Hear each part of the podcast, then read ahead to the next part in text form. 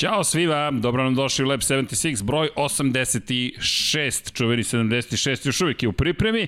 Dali smo još malo šanse derbiju da nam uzme nekih 5-6 dodatnih minuta, ali veliki test za Lab 76, derbi ili Lab 76, mislim da je odgovor vrlo jasan. Ali šalu na stranu, dobro nam došli, nadam se da ste dobro, nadam se da ćete uživati. Pred nama je pregled druge runde svetskog šampionata u motociklizmu, pregled velike nagrade Dohe, druga trka u 7 dana, druga trka u sezoni i spektakl kao i uvek, kada je reč o spektaklu i o Moto Grand Prix, naravno ekipa je tu, crveni, crvenimo se i zelenimo danas, deki, Dejan Potkonjak, moj dragi prijatelji i kolega, nije crveno i crno, ali je crveno i zeleno. Vidiš, to može biti naslov tvoje nove knjige za koju mnogi pitaju kada će. Ali, da... Ferrari u knjiga, šta? Vamo, o Italiji, generalno, zašto ne o Apriliji, na primjer, mnogo toga je pokazali, ili Ducatiju, konačno ne, Ducati kažem, nekako. Eto, Ferrari istako kandidaturu zelenim detaljem. Aha, da, a dobro, ima i Aprilija ti. Pa dobro, mislim, onako, podrazumeva se. ali, šalu na stranu, dobro nam došli još jednom i ne zamerite što malkice kasnimo danas, ali to je prosto, to su više smo puta počeli na vreme u poslednjih nekoliko nedelja, pa čisto da imamo, ne dodržavamo neki tempo. No, i za nas velika nagrada Dohi. Kakav fantastičan moment i kakav fantastičan vikend. Fabio Quartararo, Pobednik u Moto Grand Prix kategoriji na fabričkoj Yamahi, verovatno i njegova najbolja pobeda do sada, pobednik u Moto 2 klasi, čudno bi čuda, Sam Lowe's, čovek koji je favorit bio, koji je ostao i ostaje kako favorit, tako i dvostruki pobednik i vodići u šampionatu sveta, prilično pečatljivo uz dve pol pozicije. I konačno spektakl najveći zapravo u najmanjoj klasi, Pedro Acosta iz pit lane-a do pobede u najslabijoj uslovno rečeno kategoriji u svojoj drugoj trci u karijeri i do voćstva u šampionatu sveta fascinantna priča za Pedra Kostu, pričat ćemo, ali ako se vratite malo unazad, dve nedelje samo unazad i poslušate Lab 76, koje to beše bilo izdanje? 82? Pa dva ili Da, ja mislim da je to 82. Da. Moći ćete da čujete da. kako. Moj dragi prijatelji kolega kaže Wunderkindovi su stigli. Mada sam ja tipao na Izana Gevaru, povedio si, moram ti reći, čestitke još jednom. Pedro Acosta je pokazao kakva generacija je stigla u Moto3 klasu. Fascinantna trka. Doći ćemo do Pedra, ali eto i na početku samo da spomenemo da nas je kupio.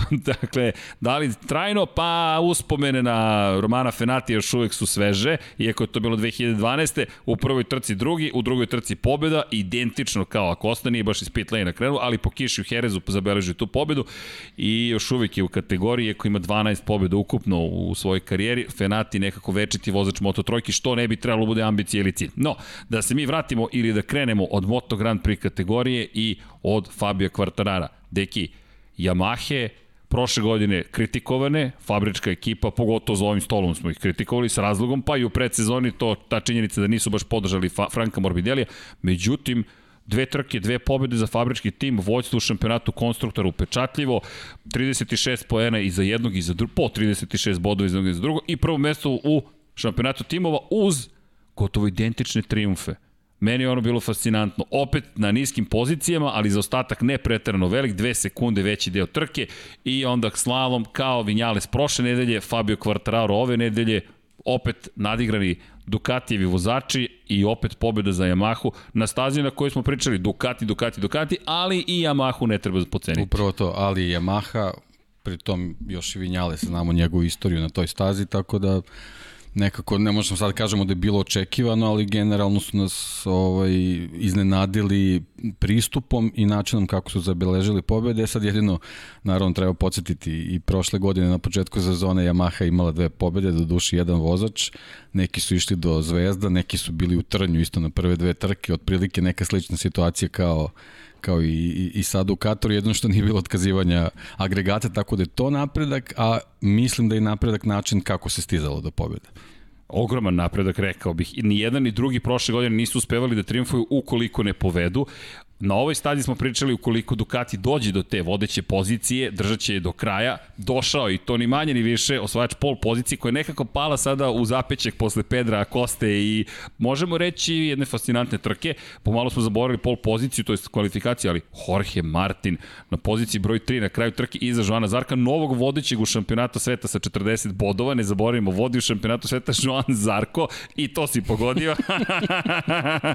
Rekao si dve pobede, ok, nisu dve pobede, pobjede, ali da, dva druga kao mesta da jesu, kao da, da, jesu. Kao da jesu. 40 poena za Zarka, Martin na poziciji broj 3, opet da se zadržimo ipak na Yamahama, uprkos tome što su Ducati poveli, Yamahe, i to smo videli u treningu 4, imali su, imali su neverovatan tempo, Bacit ćemo kasnije pogled malo i pozdrav za Momčilo Vukića, ponovo je tu sa nama koji nam je spremio opet impresivne grafike i lepo, lepu vizualizaciju analize, da bude svima lakše koji gledaju, a ko sluša, veliki pozdrav, bacite poglede na YouTube, šta radimo, bit će vam možda lakše, a ukoliko volite da slušate, pa ispričat ćemo mi sve podrobno, nemojte da brinete. Tako da, pogled, kao što si rekao, i značajno napređenje. Međutim, znaš šta mi pada na pamet? Dve, po dve pobede su imali jedan i drugi u svojim početnim sezonama, ne baš početnim, ajmo da se vratimo malo unazad. Prva sezona za Mavericka Vinjale su u Yamahi 2017. godine. Dve pobede, postaje jedan od redkih ljudi u istoriji sporta koji sa dve pobede u prve dve trke ne osvaja titulu te godine. Zatim, 2020. godine, Fabio Quartararo u Petronas bojama, ali njegova prva sezona na fabričkom motoru. Da, bez limita. Bez limita, da, tako da. je, druga u njegovoj karijeri i dve pobede na početku sezone i postaje, opet, pridružuje se jednom nemilom društvu zajedno sa Vinjalesom, vozača koji su imali po dve pobede na početku sezone i nisu osvojili titulu. I sada dolazimo u novu sezonu, podelili su pobede, možda je to ono što im je potrebno. Jedna Vinjalesu, jedna Pa delo je kao da je drugačiji pristup to su možda neke, neke razlike u odnosu na, na, na te neke prethodne sezone i sad jedino možda bismo mogli da uporedimo recimo konkretno da se vežemo za ovu trku a, koja, a, koja može i da, i da poveže a, vezano za, za nastup na, na prvoj trci kad pričamo o Yamahi, a to bi iskoristio nešto što ćeš ti razumeti pošto isto, isto nekog tvog vaha Quartararo ranije imao fazon ovaj, da mu je taktika za trku destroy a ovog puta bilo and Destroy. u Metallica fazonu. Da, da, Pogledaj da. ovo. Dakle, čovek koji je imao jasno jak tempo na početku. Opet, početak trke je bio veoma snažan, iznenađujuće za usled činjenice da je na vodećoj poziciji bio Jorge Martin. Dakle, Novajle koji vozi tek svoju drugu trku u karijeri u Moto Grand Prix klasi. Uz pol poziciju prijatno iznenađenje da je držao, da je držao vođstvo. E sada kada pogledamo kvartarara i vidimo te krugove na početku, pratili su se, onda pada tempo, skaču vremena i onda kreće polako, ali sigurno da pojačava tempo. Pa opet pad, praćenje, praćenje, praćenje, pa se pojačava tempo i onda završna četiri kruga 55-1, 55-1, 55-1, 55-1 kao hronometar baš onako kako je nekada davno vozio Jorge Lorenzo. Da, to je ovoga puta izgleda bilo potrebno, ako se sećaš prošli put kad smo analizirali uh, Vinjalesa u pobedu, on je imao tri pika sa po jednim fantastičnim krugom, što je bilo dovoljno tada za, za pobedu. Međutim, ovoga puta izgleda bilo je malo drugačije. Mislim da im je Martin prilično poremetio planove svima. I Zarko. Ne zaboravimo da, taktičku... Zarko, da, dobro, Zarko je i, i prvu trku isto radio onako kako je, kako je stvarno treba, onako, ne mogu sad da kažem majestralno, to bi onako baš bilo preterano i, i, i možda i pretenciozno, jer majestralno bi značilo i pobedu, ali, ali, ali, ali je jednostavno je znao šta treba da uredi. I evo Martinovih krugova, opet sjajan tempo, konstantan tempo sve do desetog kruga, 55-2, pa 4, pa 0, pa 2, pa 0, pa 1, pa 3, pa 1, pa 2 i tek onda počinje da... Zvono za uzvon da krenuo. krenuo je da. zadnje gume da kada da. govori polako. Da, da. Ali, šta dobija tu Jorge Martin? Dobija zaštitu Joana Zarka.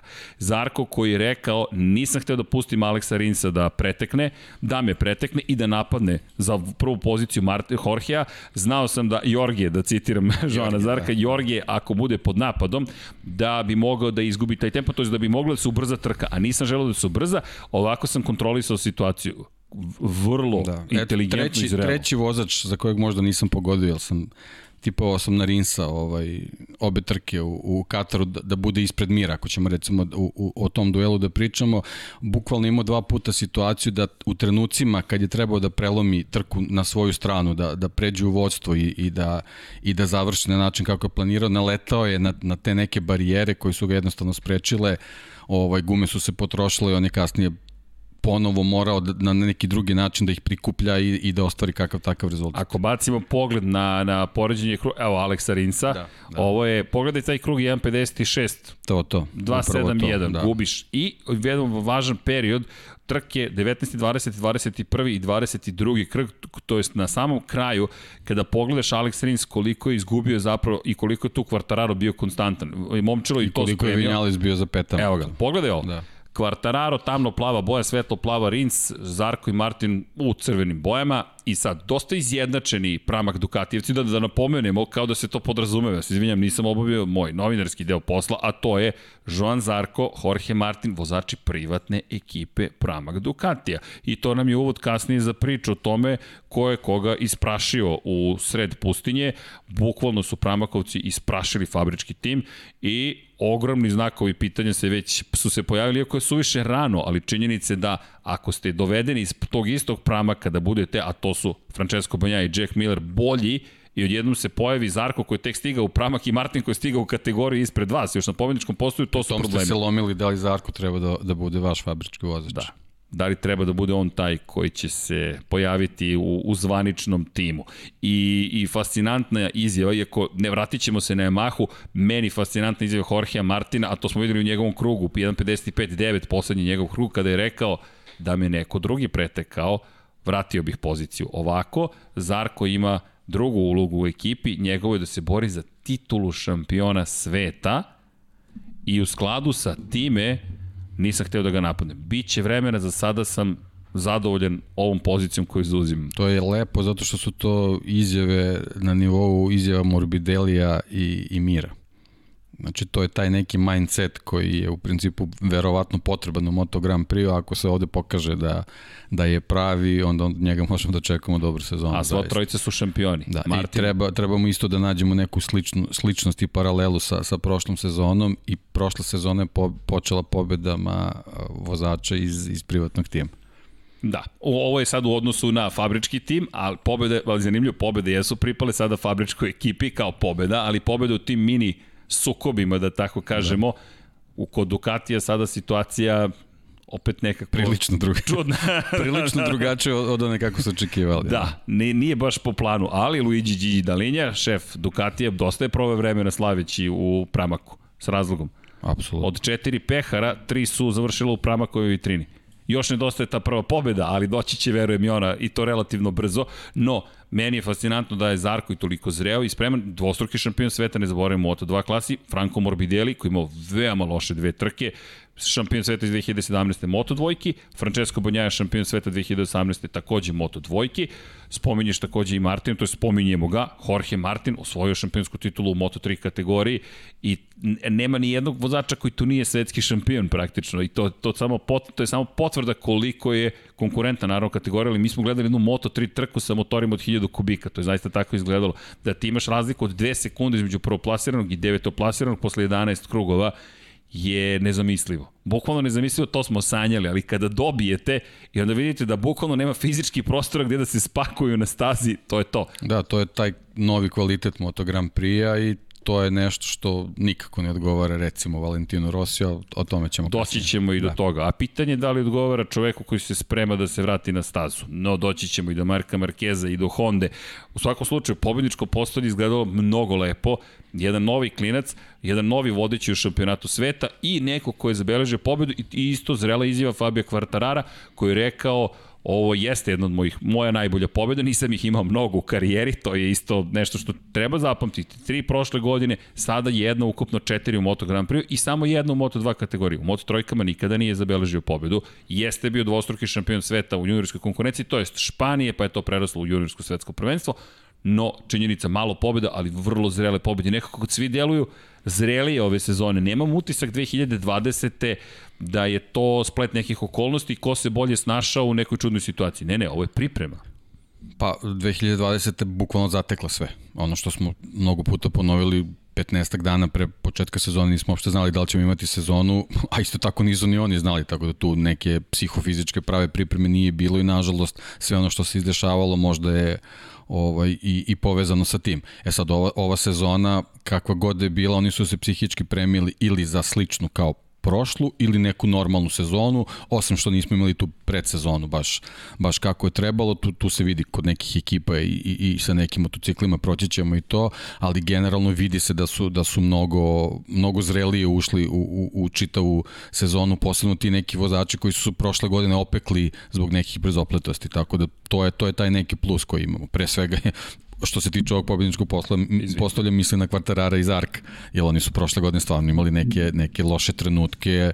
Pa Zarko je tek bio stigao na Ducati, još Pa da, i onda smo imali onaj problem sa Red, na Red Bull ringu, pa Zarar ima veliki problem u Aragonu, bukvalno do, do, do, do kraja sezone nije, nije se oporavio od toga, potpuno izgubio tempo. Dva Francuza na prve dve pozicije. Da, da i malo duže francuska himna možda, zato što kao, za, za obojicu je bilo, pa da, pa da. Ali lepo to bilo videti i minimalne te razlike. Međutim, opet se izdvojio pobednik, impresivna Yamaha iz te perspektive, pobjeda na stazi koja, rekli smo, nije da ne odgovara Yamahi, međutim nekako Ducati sebe tako postavio moćno, vetar cenim da je odmogao, kao što smo negdje pretpostavili može da se desi, no to nije izgovor za Ducati, ako bacimo pogled na maksimalne brzine i ako pogledamo poređenje, na primjer, sa prvom trkom i sa drugom trkom, Ducati je bio po tom pitanju još zapravo moćniji i nismo probili ovoga puta uslovno rečeno zvučni zid, nismo išli baš preko, hvala Vanja, top 10 maksimalnih brzina u prvoj trci Pole Spargaro i Jorge Martin 355,2, nismo išli preko 360, ali Jack Miller na Ducatiju 356,4, Joan Zarko 355,2, pa Banjaja, Miller, Miller, Miller, Miller, Zarko, Zarko, Banjaja. Niko se ovoga puta nije pojavio osim Dukatijevaca na startno ciljnom pravcu po pitanju maksimalne brzine. I to su obilo to koristili. I ponovo, protiv Rinsa, protiv Mira, protiv koga god su mogli.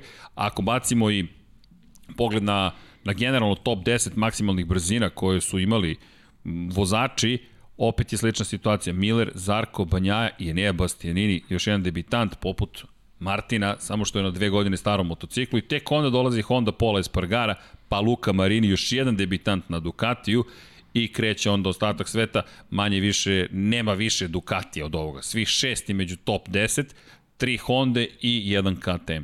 A Yamahi ovo nije bilo potrebno za, za uspeh. To je ono što opet, ponavljam, fascinira. Da, Yamahi imaju neke svoje džokere koje su ovoga puta iskoristili na pravi način. To su ta neka uh, da kažemo, ubrzanja i među ubrzanja gde su zaista bili fascinantni, gde jednostavno niko nije mogao da im parira i to su obojica vozača iskoristili na pravi način. I, i, Ovi džokeri Ducati očigledno nisu dovoljni. I Quartararo je da. napao, da. to je rekao i Zarko, na pravom mestu, u pravom vreme, u pravom trenutku, dovoljno, dovoljno daleko od cilja da Martin ne može da ga sustigne kada dođe vreme za taj neverovatni pogon koji ga Ducati koristi i snagu motora. To je bila ta sreća što su imali iskustvo sa prethodne trke i jednostavno su mogli da naprave taktiku ako sve do tog trenutka bude kako treba, kako da odbrane tu poziciju i to se desi. Alex Rins, inače na poziciji broj 4, dve sekunde iza pobednika završio. S jedne, iz jedne perspektive ne možemo reći da je Suzuki imao lošu trku, ali nekako ono što si rekao, neiskorišćene prilike. I evo tog momenta gde je Rins na kraju prosto nije mogao da, nije mogao da se probije napred.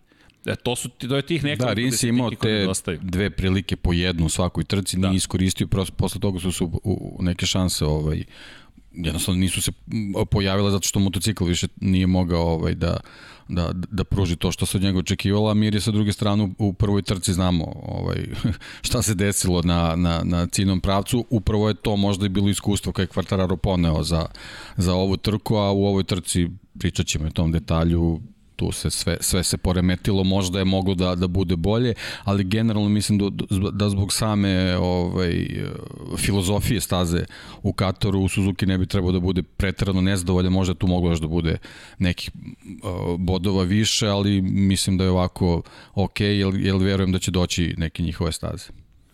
Mislim da će doći od nekoliko vrlo ozbiljnih staza za Suzuki i tu se slažemo u potpunosti, ali će da. biti fantastičan zapravo test Portima, jer i tamo imamo jedan dugačak pravac, ali staza drugačija, ima mnogo više brzih krivina. Brze krivine i ja bih zbog toga možda ajde da ne pravimo sad neku najavu. Nećemo imaćemo, da žurimo, imaćemo, imaćemo emisiju, da mislim da je, da je ovo Yamahina prilika da, da uradi pravu stvar. Da pobegne.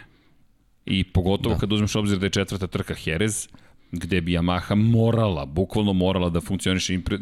Da, s tim što ovoga puta Prvoklasno. Jerez mislim da može da bude i dobra priča za Suzuki, ako se sećamo prošle godine bili su ni padovi Rinsa i to je malo, malo sve teklo na, na, na lošu stranu, tako da mislim da bi Suzuki možda mo, mogao da, da, da se uključi. A suštinski Ducati bi mogao da ima najveće da. probleme. Ali, jeste, jeste. ko može da ih Pa dobro, čim dolazete neke sporije staze, to je potpuno prirodno. U svakom slučaju da, Ducati ali ima. vidimo, vidimo sad počeli da imaju vozača koji razmišljaju, tako da To to, htio- možda može da bude drugačija priča. Ducati ima vodećeg u šampionatu, to je ono što ne treba zaboraviti. Ducati ima čoveka koji vodi u šampionatu sveta i isti na četiri pojena prednosti u odnosu na Kvartarara na, i na Vinjalesa, ali bez obzira na, na sve to, inače i Vinjales i Kvartararo po jedno peto mesto i po jedna pobeda, ukupno 36 bodova, Zarko 40 poena i Francesco Banjaje koji je na 14 bodova za ostatka posle trećeg mesta i šeste pozicije. Međutim, ne treba zaboraviti, ako već spomenjamo ga par puta Maverika Vinjalesa. Pozicija broj 5 na kraju trke nije bio preterano zadovoljan, s razlogom rekao bih, mislim da je takođe propustio priliku, ali videli smo koliko je koliko svaki detalj odlučuje. Gotovo savršenu trku moraš da odvezeš. Evo i njegovih krugova. Hvala Vanja, hvala Momčilu pre svega. I opet taj poslednji spori krug 1.55.872, mnogo sporiji od prethodnih krugova i mnogo sporiji od onih koji su na kraju završili na pobedničkom postolju.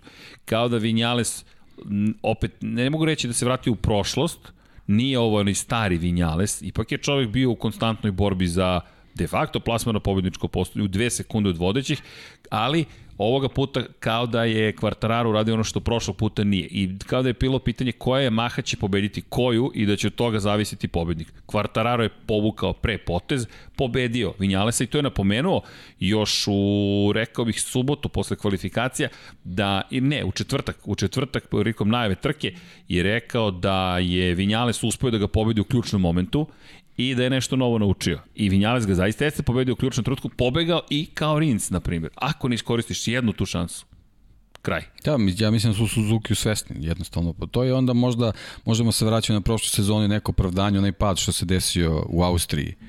Rinsov, kad smo, kad smo svi prebacivali, on je možda u tom trenutku kapirao da je to jedina šansa da nešto uradi, išao je na sve ili ništa, nažalost, bilo je ništa, ali ta, ta, ta, taj pokušaj bi mu promenio sezonu da je bio uspešan. A ovde sada imamo situaciju gde mislim da Vinjales ne želi da pravi te vrste rizika i neće ići da. na sve i ništa, nego će reći, ok, 11 E, ovde sad samo problem Vinjales je peti sa samo dve sekunde za ostatka za pre. To, To, to. Mislim da ćemo imati takvu sezonu. To je to. Tako da- Jednu priliku ne je. iskoristiš, gotovo. Pri čemu Vinjales se na kraju nije baš našao u situaciji da je jednostavno. Nije jednostavno, zato ja mislim da je taj krug takav i bio. Nismo, nismo mogli da da pratimo, se bori. pričamo i o kadrovima. Tako, kaj- nismo baš to mogli da pratimo, ali, odsustvo da, ali vidimo Rins, Vinjales i Banjaja su, su u pola sekunde. Mislim, tako da tu je, verovatno je to uticalo na, na rezultate tog poslednjeg kruga.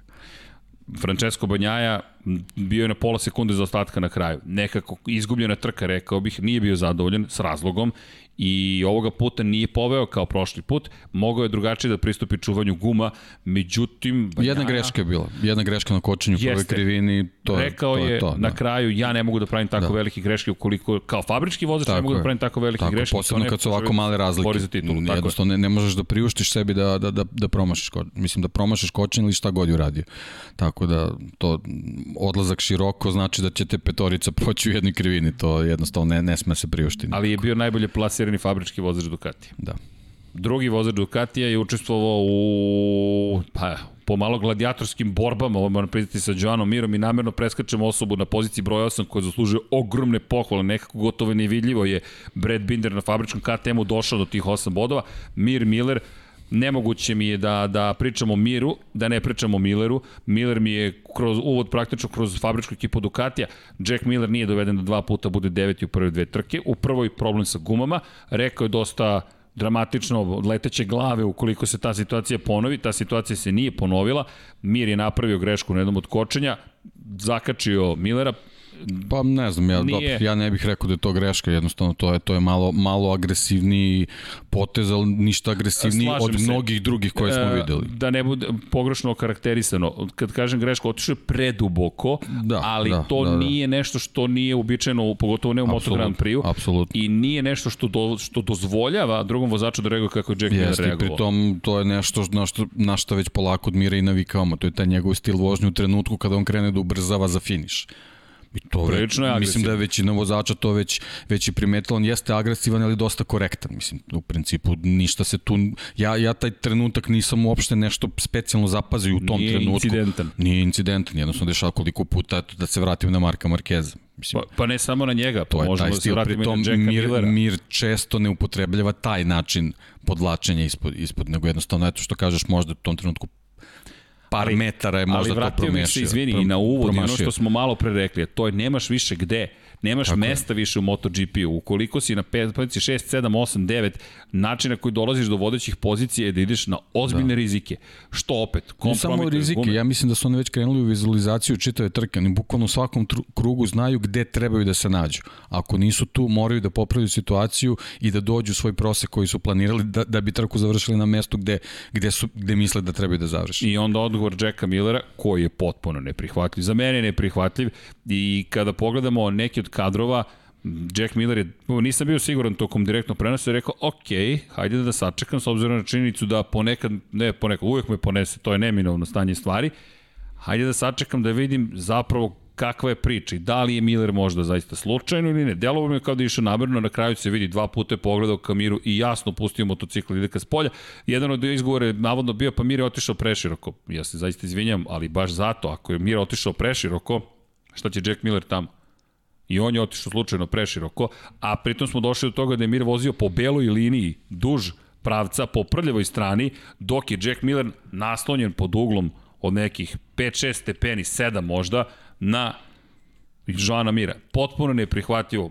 Razumem ja i da je to deo Jack, prosto stava Jacka Millera i njegovog karaktera i načina na koji se on prezentuje, ali... E, takva spektakularnost nam ne treba generalno. Mm, to je... O, posebno što ako, ako, ako neko bude bio imao priliku da, da pogleda trgu ponovno, on je nekoliko puta u toj krivini išao široko, ali uopšte to nije bilo na taj način, pritom ovde se vidi kad se zaustavi snimak trenutak kad je Mir već što kažeš na beloj liniji, to je Jack Miller u tom trenutku na sredini staze. Tako da jednostavno ne vidim, ne vidim razlog Vidi zašto bi trebao da ide to, toliko široko i da to bude opravdanje za čitavu priču. Znači, pa i... njegovo, njegovo pravo opravdanje, evo videli smo u stvari treba da bude taj problem sa, sa, sa podlakticom, videli, videli smo da je, da je već da, operisa, ope, operisa arm pump, da, znači veliki problem bio, kaže da bukvalno poslednje četiri kruga nije, nije osjećao ko, ručicu kočnice ali ovo se sve desilo mnogo pre, tako da... Da, izvini, ne znam čiji komentar je bio na Twitteru, zapravo koja je ironija, zahvaljuješ se doktoru Miru za uspešnu operaciju. da. I ka, da. Ko se veri za doktor Mir? O ne. da. Ali uspešno je, bilo, je bila operacija i zahvalio se. Rekao je da, da... Da, moguće da su ti boli možda neku dodatnu nervozu izazvali kod njega. Mislim, ne, ne govorim ovo samo kao opravdanje, nego jednostavno uh, mnogo toga se sad dešava u tim trkama, on je u velikom pritisku još, još od prošle trke i tog lošeg izdanja, tako da, a znamo kakav mu je karakter, tako da može to sve da se desi, samo jednostavno kažem, apsolutno spektakle na taj način nam nisu potrebni. Posebno ne na startnom pa, pravcu, ne, gde, gde samo možemo dovoljno. da pomislimo da, da se neko našao, našao na asfaltu, šta bi se desilo. Znači, apsolutno ne želim da, da, da razmišljamo o tome. Ne prihvatio. Na kraju nije bilo ni reakcije direkcije trke, nikakve. To je ono što je bilo zanimljivo, dakle ni upozorenje, ni razgovor, ništa, kao da se apsolutno ništa nije desilo i sad od jedne mere do druge mere i to je ono što, što, što opet možemo celu ploču pokvarno da pustimo kada se primenjuju pravila za koga, kako i zašto. Kao ne da znam. smo znali da počeli smo pričamo o tome, eto, odmah smo dobili primjer. Dobili smo, da, neslavni, još jedan neslavni primjer. No, Jack Miller nije izazvao neki veći incident na kraju, iako verujem da će između njih dvojice se zaoštriti situacija, možda ukoliko spuste loptu, ali Mir nije bio zadovoljan. Nije bio zadovoljan, rekao pa, da to potpuno ko, ko bi bio, ko bi Niko. Bio, ko bi Niko, bio. još i svetski šampion u pitanju i dodatni problem za Jacka Millera. Moj utisak je bio tokom prenosa i ostajem pri tome, još mi je jasni, jaš, jači i pogled mi je jasniji, smatram da je to frustracija. Bukvalno da je ovo frustracija, s obzirom na činjenicu da si jednu trku završio na devetoj poziciji, da sada gubiš šansu možda da se boriš za plasman na pobedničko postolje i pobedu, neminovno posle tog kontakta, to je kontakta, tog, tog skretanja sa idealne putanje, gubiš pozicije, pitanje je šta možeš dalje da učiniš i umesto da fokus bude na to da se vratiš na pobedničko postolje ili u borbu za pobedu, ti ulaziš u nepotrebni duel, pri čemu iracionalno je ponašanje, ne samo opasno, ti si taj koji će takođe izgubiti u svemu tome, ideš na prvu stranu asfalta, peska je u nenormalnim količinama bilo ponovo, što je uobičajeno, ali ne ideš na tu stranu, ulaziš u konflikt sa još jednim vozačem, možda će ti on uzvratiti. Ulaziš u konflikt sa vozačem kao aktualni svetski šampion. Tako je, to potpuno, potpuno nepotrebna. nepotrebna situacija. I, i, Pritom imaš timskog kolegu koji je italijan u, u italijanskom timu i mnogo bolje rezultate napravio tebe. Posebno ali, prvoj trci, znači apsolutna pažnja vezana za Ducati bila je na Francesco Banjaj, znači Jacka Millera niko nije spomenuo. Samim tim rekao bih da je to rezultat, Tako da je frustracija zapravo uzrak koji je doveo do ovog rezultata. Kažem, možda imati zdravstveni problemi, plus frustracija, plus dodatni neki pritisak, sve to može da, da, da rezultira takvim ponašanjem, ali jednostavno to je potpuno neprihvatljivo. Evo, operacije tu, znači sad taj Portimao, pitanje je da li će biti potpuno spreman, znači neke, neke su onako procene e, kad se dešava ta operacija do prilike dve nedelje neki minimum koji je potreban da bi, da bi se vratilo u 100% formu, tako da Portimao je tu već prilično je zahtevna staza, posebno za, za Ducati. Tako da pitanje je kako će tu treću trku imati. To se sad već nadovezuje jedno na drugo. A Jack Miller prošle godine se tamo borio za drugu poziciju protiv Franka Morbidelija i odneo veliku i važnu pobedu. Još uvijek je bio da. na pramaku, niko pa, nije mogao da, da to je nešto, Da, to je nešto što ga je baš lansiralo za neku ozbiljnu dobrodošlicu u Ducati. Da, pa pritom je to kraj sezone, da. pritom je to nastavak dobrih rezultata. Sve baš kako biste mogli samo poželjeti vraća se međutim na mesto na kojem je imao te uspehe i kao što kažeš, neće biti potpuno Biće Rović, tako je. Tako je. Tako je. I još jedna osoba, da spomenemo i Kirlekona, operisana, Dakle, i Kirlekona da. bio je na operaciji pred Portimao i on se Isti spremio. Isti problemi kao i Miller, da. Dakle, da. On je u Valenciji, što... čini mi se, operisan, tako da sve isto prošlo kako da, to, to su sve sad manje više neke rutinske operacije to je to je ovaj jednostavno priča samo taj oporavak jednostavno potrebno je neko vreme da bi se to tkivo oporavilo zbog tog tog otvaranja koje je neophodno tako da dve nedelje, eto, na, za, za, za obojicu nismo sigurni kakav će nastup da bude u Portimao. Jerez deluje kao prva stanica da, gde će da. se neke stvari desiti ozbiljnije, pri čemu kada pričamo o Portimao neće možda ga najavljamo, ali Jacku Milleru će se pojaviti i Mark Marquez u celoj kalkulaciji. Sad u kakvom stanju? Da, nadamo se. Da. Nadamo se da, da, sad. Još nemamo potvrdu, nemamo potvrdu 100%, da. Se priča da je, da je gotovo izvesno, međutim ima jedna vest koja se pojavila pre, pre desetak dana gde je rečeno da ukoliko ne bude spreman, gotovo je sigurno da će se pojaviti na stazi u Herezu. E sad, da li će biti Portimao ili Herez, ni mi ne znamo, saznaćemo svi zajedno, ja se izvinjam. Uh, Sat mi se nešto javio, ali da, na sve načine, evo, poruke stižu, kaže 10% još baterije, ali dobro, sat ne koristimo misiji, tako da je sve okej. U svakom slučaju, došli smo u situaciju da da Jacka Millera nekako posmetramo potpuno drugačijim očima posle samo prve dve trke, a bio je čovek koji je pred sezonski, ne sam mogu da kažem favorit, ali pred trku u Kataru jedan od igrača od kojih se očekivalo najviše. Da, bilo nekako i realno zato što je ta staza upravo takva kakva jeste, njena konfiguracija potpunosti odgovara Ducatiju, a on je od, od šest Ducatija bio, bio najbrži. I nekako smo ovaj očekivali da to, da to bude tako, mada eto, sad da, da se možda i ne hvalimo, ne pričamo nekako, nekako hvali bilo, se, bilo, ba ne, mislim generalno kakva je priča bila, nekako smo videli da to nije u stvari, da, da nešto tu kod njega nedostaje. Eto, nažalost, to je, to je baš bilo onako drastično u odnosu na ostale vozače i eto, sad, i, i, i kulminiralo je sa tim, sa tim kontaktom i eto, potpuno neki smer koji on apsolutno nije očekivao. Da, jedan od najlošije plasiranih Ducatijevih vozača. Neprihvatljivo. Najlošiji da, no, na četiri. Više smo pričali o Bastianiniju koji, koji vozi dve godine okay, star motocikl. Ok, spomeniš Bastianini, da li znaš koliko je Bastianini bio iza Jacka Millera u delovima sekunde? sad ću baš da vidim, sad sam otvorio. U delovima sekunde, Da, da, da, da, da, zaista. U delovima da, sekunde. Da, da. 185 tih delova sekunde Enea da. Bastianini u svojoj drugoj trci u karijeri na motoru starom dve godine iza fabričkog vozača Ducatija a dolazi nam iz Italije. Šta misliš koliko vremena će biti potrebno da on ili Marini dobiju neko napređenje? Pogotovo je Nebastini koji je spektakularan. Spektakularan, bavit ćemo se na... Ma zašto da preskačemo? Ajmo da se pozabavimo Nebastini, vratit ćemo se i na Aleša Espargari na Breda Bindera, ali mene je Nebastini, tebe je kupio još prošle godine, Da, ko ne, ovdje jednostavno čovjek vozi, vozi glavom, to, to se apsolutno vidi, znači gotovo smo, možemo sa sigurnošću možda i da kažemo ako se slaže da on jednostavno prošle godine nije imao najspremniji motocikl. Pa ne možemo Jednostavno, reći... on ima ekipu koja je pokazala da je, da je za neke trke ozbiljno zagrena, da, da, da, da, da se svi angažuju, da super radu, na nekim trkama jedno pokažu onako da su onako prilično nezainteresovani i tako, jednostavno bilo je toplo, hladno, ali on je ono, prilagodio se situaciji, imao imao je onu, onu nezgodnu priču vezanu za Austriju, onaj, onaj strahovit incident, naravno gde nije bio kriv, on je pao sa motocikla svojom greškama, a posle šta se sve izdešavalo, bilo onako katastrofično prilično, ovo je videlo, videlo se da ga je to uzdrmalo ali, ali on je tu uspeo da, da smogne snage da se vrati i da sve trke o, koje je završavao o, na visokim plasmanima jednostavno je vozio veoma pametno, a, a ispostavilo se su najpametniji bile trke u Mizanu i posle trke u Portimao. Ok, ajmo da se vratimo na tu prošlu sezonu Ital Trans. Ital Trans, ako pogledaš, nije ekipa koja je osvajala titule. Do Enea Bastianini nikad je. nije osvojila titulu. S Matijom Pazinim Ital Trans imao nekoliko impresivnih nastupa, s Frankom Morbidellijem takođe, ali i Franko Morbidelli je morao da ode iz Ital Transa u Mark VDS Racing da bi pokazao šta zapravo može i zna i da bi osvojio titulu. Da, znači njima očigledno bio potrebno neki vozač koji će da ih vuče, da ih nosi. Sad, da li, da li on tu ima još neku dodatnu ulogu, ako jeste, onda stvarno kapa dole za, za, za uspeh od prošle godine. Posebno kad se osvrnemo i vidimo s kim sam sve borio za titulu prošle godine. Uveo je i Trans mnogi vozači u svetsko prvenstvo. Međutim, osvajanje titula je nešto sasvim drugo. Opet doći ćemo i do Joe Robertsa u Moto2 klasi, da, ali bih da. da pohvalim zapravo Ducati.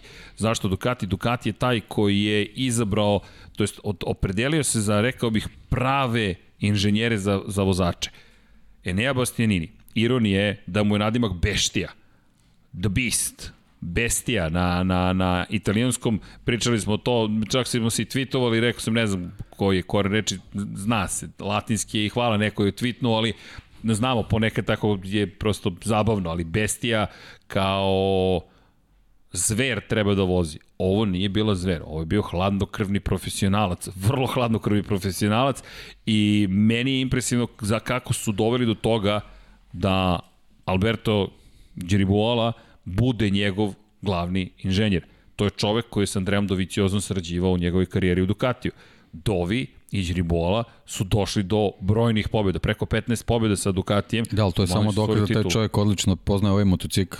Jel ovaj motocikl je 2019. Jeste. bio pobednički I, motocikl? E, tada je još uvijek bio pobednički. Jednu da. pobedu stvari na prošlogodišnjoj verziji Doviciozo, ali motocikl dobar vozač, međutim pohvale za Bastianini je ta zrela vožnja gde imaš, ako on može da uradi nešto što Doviciozo nije mogao, a to je da na tu hladnokrvnost dozvoli da se povremeno pojavi zver, Ducati bi mogao da ima u ovom momku ozbiljno, već sada ima ozbiljno pojačanje. Ali sve pohvale, 185.000 delova sekunde iza Jacka Millera u, na kraju trke za veliku nagradu. Da, I 11 sekundi ispred timskog kolege na što identičnom motociklu. Da, sa, sa čovekom s kojim se borio za titulu na kraju krajeva. Protiv Luke Marinija da, koji da, je... čovjek koji ima svoje kvalitete, tako, tako je. je. I tako beležio pobedi vodio u šampionatu sveta prošle sezone do one povrede na velikoj nagradi Francuske u Le Manu. Tako da je Enea Bastianini još jedan od onih koje ne samo da pratimo, nego... Da, treba ga, treba ga pohvaliti jer pre svega pričamo o njemu na obe trke i to je, znači, da, 10. da jedna 11. nije slučajno. Ne, ne, ne, da, to je da. sada već 11 poena u šampionatu sveta posle dve trke i Enea Bastianini izgleda, izgleda sjajno. 5,5 sekundi iza pobednika se našao. 5,5 sekundi iza pobednika u svojoj drugoj trci i to u onakvoj trci. Generacija koja nam je stigla, pre svega predvođena Martinom Bastianinim, opet skidam kapu, fenomenalno. I da se vratim na osmu poziciju, Breda Bindera i KTM. Zaslužuje pohvale Brad Binder. KTM, pričali smo, muči se, muči se, muči se, na kraju 4,9 sekundi za ostatak u odnosu na prvu trku, to je ozbiljan napredak. I mi sada pričamo o tome da koliko god da smo bili uslovčeno zabrinuti, kada pogledamo, kada uporedimo trke, kažeš čekaj, čekaj, čekaj, odjednom KTM izgleda ipak bolje nego što je izgledao prošli put. Miguel Oliveira je bio najbolje plasirani vozač 11,4 sekunde iza pobednika na prvoj trci. Ovo je ogroman napredak. Sam Brad Binder je zaostao 14 sekundi. I ti si sad našao, pri čemu Binderovo vreme prošle nedelje 42, 4, 2, 7, 6, 3. Ove nedelje 42, 2, 8, 9, 7, 6. Dakle, ne govorimo samo, inače tempo trke, prva trka 42, 28, druga trka 5 sekundi brža, 42, 23, 9, 9, 7. Jorge Martin je predvodio tu trku koja je na da, kraju bila brža. svi su odgovorili. To, svi su odgovorili. Da, da. I, I dobili smo potpunu ujednačenost, a KTM napravio taj ogroman iskorak napred. I ti sad posmatraš KTM i kažeš, uh, čekaj, čekaj, čekaj, ovde ipak ima nekih stvari. E sad, ima još jedna važna napomena kada je reč o KTM-u, pričali smo o gumama i pričali smo o tome šta je ko birao. Na, kako pogledamo izbor pneumatika, ako pogledamo ko je kako, u prvoj trci svi su koristili meke gume. Prva trka svi, meke gume napred, meke gume pozadi. KTM je rekao imamo problem s ovim gumama, ne možemo da koristimo prednju gumu, ne na adekvatan način, to moramo da rešimo. Pogledaš trku broj 2, izbor prednje gume, srednje tvrda guma za Breda Bindera. A nije im odgovarala. Pa, uh, čitajući izjave Breda Bindera, on se ni sad uopšte nije dobro osjećao na motociklu o, to što si rekao, imali su veliki problem sa making gumama i pokušali su da ga reše, apsolutno nisu uspeli. I njima je izbor srednje tvrde bilo, bio praktično iznuđeno rešenje, jer druge, druge opcije nije bilo. I, I prema njegovim izjavama on se veoma, veoma loše osjećao na, na, na tom motociklu, ali je, ako, ako je nešto za njih pozitivna stvar, to je činjenica da ako je to problem, moguće da će ga prevazići na nekim drugim stazama nekog drug, drugačijeg profila, a ono, naj, najvažnije ohrabrenje za njih je da očigledno sa motociklom je sve okej. Okay. Znači, veliki je problem, problem samo to prilagođavanje na no, samo. Samo, da. samo. samo pitajmo do Vicioza da, kako to ali, može ali da izgleda. Ali ćemo generalno videti kako će to se odvija na nekim stazama malo drugačijih profila. Veoma konstantan kroz celu da. trku.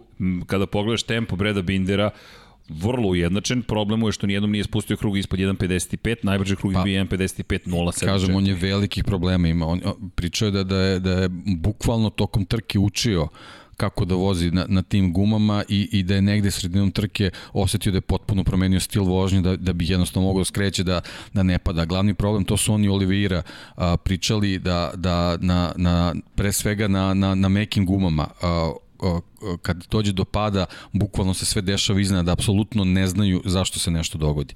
I, i stvarno su imali puno problema, a Oliveira otkrio da njemu praktično ekran na motociklu nije radio čitavu trku, tako da je na, na slepo i menjao uh, stepene prenosa, uh, gledali su posle te, telemetriju, bukvalno ni jednom nije pogodio trenutak promene stepena prenosa, to, jest, to su sve neke milisekunde da, da, da bi ti motocikl optimalno radio. A poslušaj, tako da je ovo njegovo vreme i rezultat je odličan. A poslušaj krugove koje je vozio bez instrument table, od 17. kruga nadalje, 1.55.8, 1.55.8, 1.55.8, 1.55.8, 1.55.8, pri čemu to je 8.8.0.8.7.8.8.4.2.8.0.4.8.0.6, potpuno besmisleno. Čovjek je bio u nekih 72.000 dela sekunde u da, tih a vozio je na osjećaj. Kruga, a, voziš na osjećaj. Da, da. Pa koji osjećaj? Ne, pet pa eto, eto mislim, eto, to je dokaz kakvi su to vozači. kakvi su to vozači. To je to. Fantastično, zaista fantastično. Tako da, eto, verovatno bi njegovi izdanje bilo bolje, što, što generalno kad se podvuče crta je neko ohrabljenje za KTM da su stvari na dobrom putu, jednostavno moraju, moraju da se prilagode tim pneumaticima. To je ono što je mi najvažnije. Izvini, Oliveiren je bio 8,9 sekundi na kraju trke. to, to nije mnogo, naprotiv, i osvojio je čak jedan poen. Ali Sa okay. slepim motociklom, slepim to, motociklom. Je, to je super, da. to je ono čuveno kad ti kažu, menj, menjaj kad na zvuk menjaj. A da, ali kod njih je to tako je mala, i, on, on kaže, oni, oni se bukvalno, bukvalno, bukvalno oslanjaju na sjelice koje se nalaze na instrumentable koje pokazuju kad se ulazi u crveno. Znači, bukvalno prati pa, to. Pa, čak i tu postoji, to je još iz Formule 1 preuzeto, zapravo uračunata korekcija za kašnjenja ljudskih reakcija. Da. Dakle, da svetlo se pokazuje pre nego što je idealan moment za promjenu stepena prenosa, kako bi taj zaostatak u, prenos, u promjeni prenosa zapravo se uračunao i bilo idealno menjanje brzine koliko je to važno. Koliko je On to važno. On nijednom nije pogodio, a vozio takve krugove.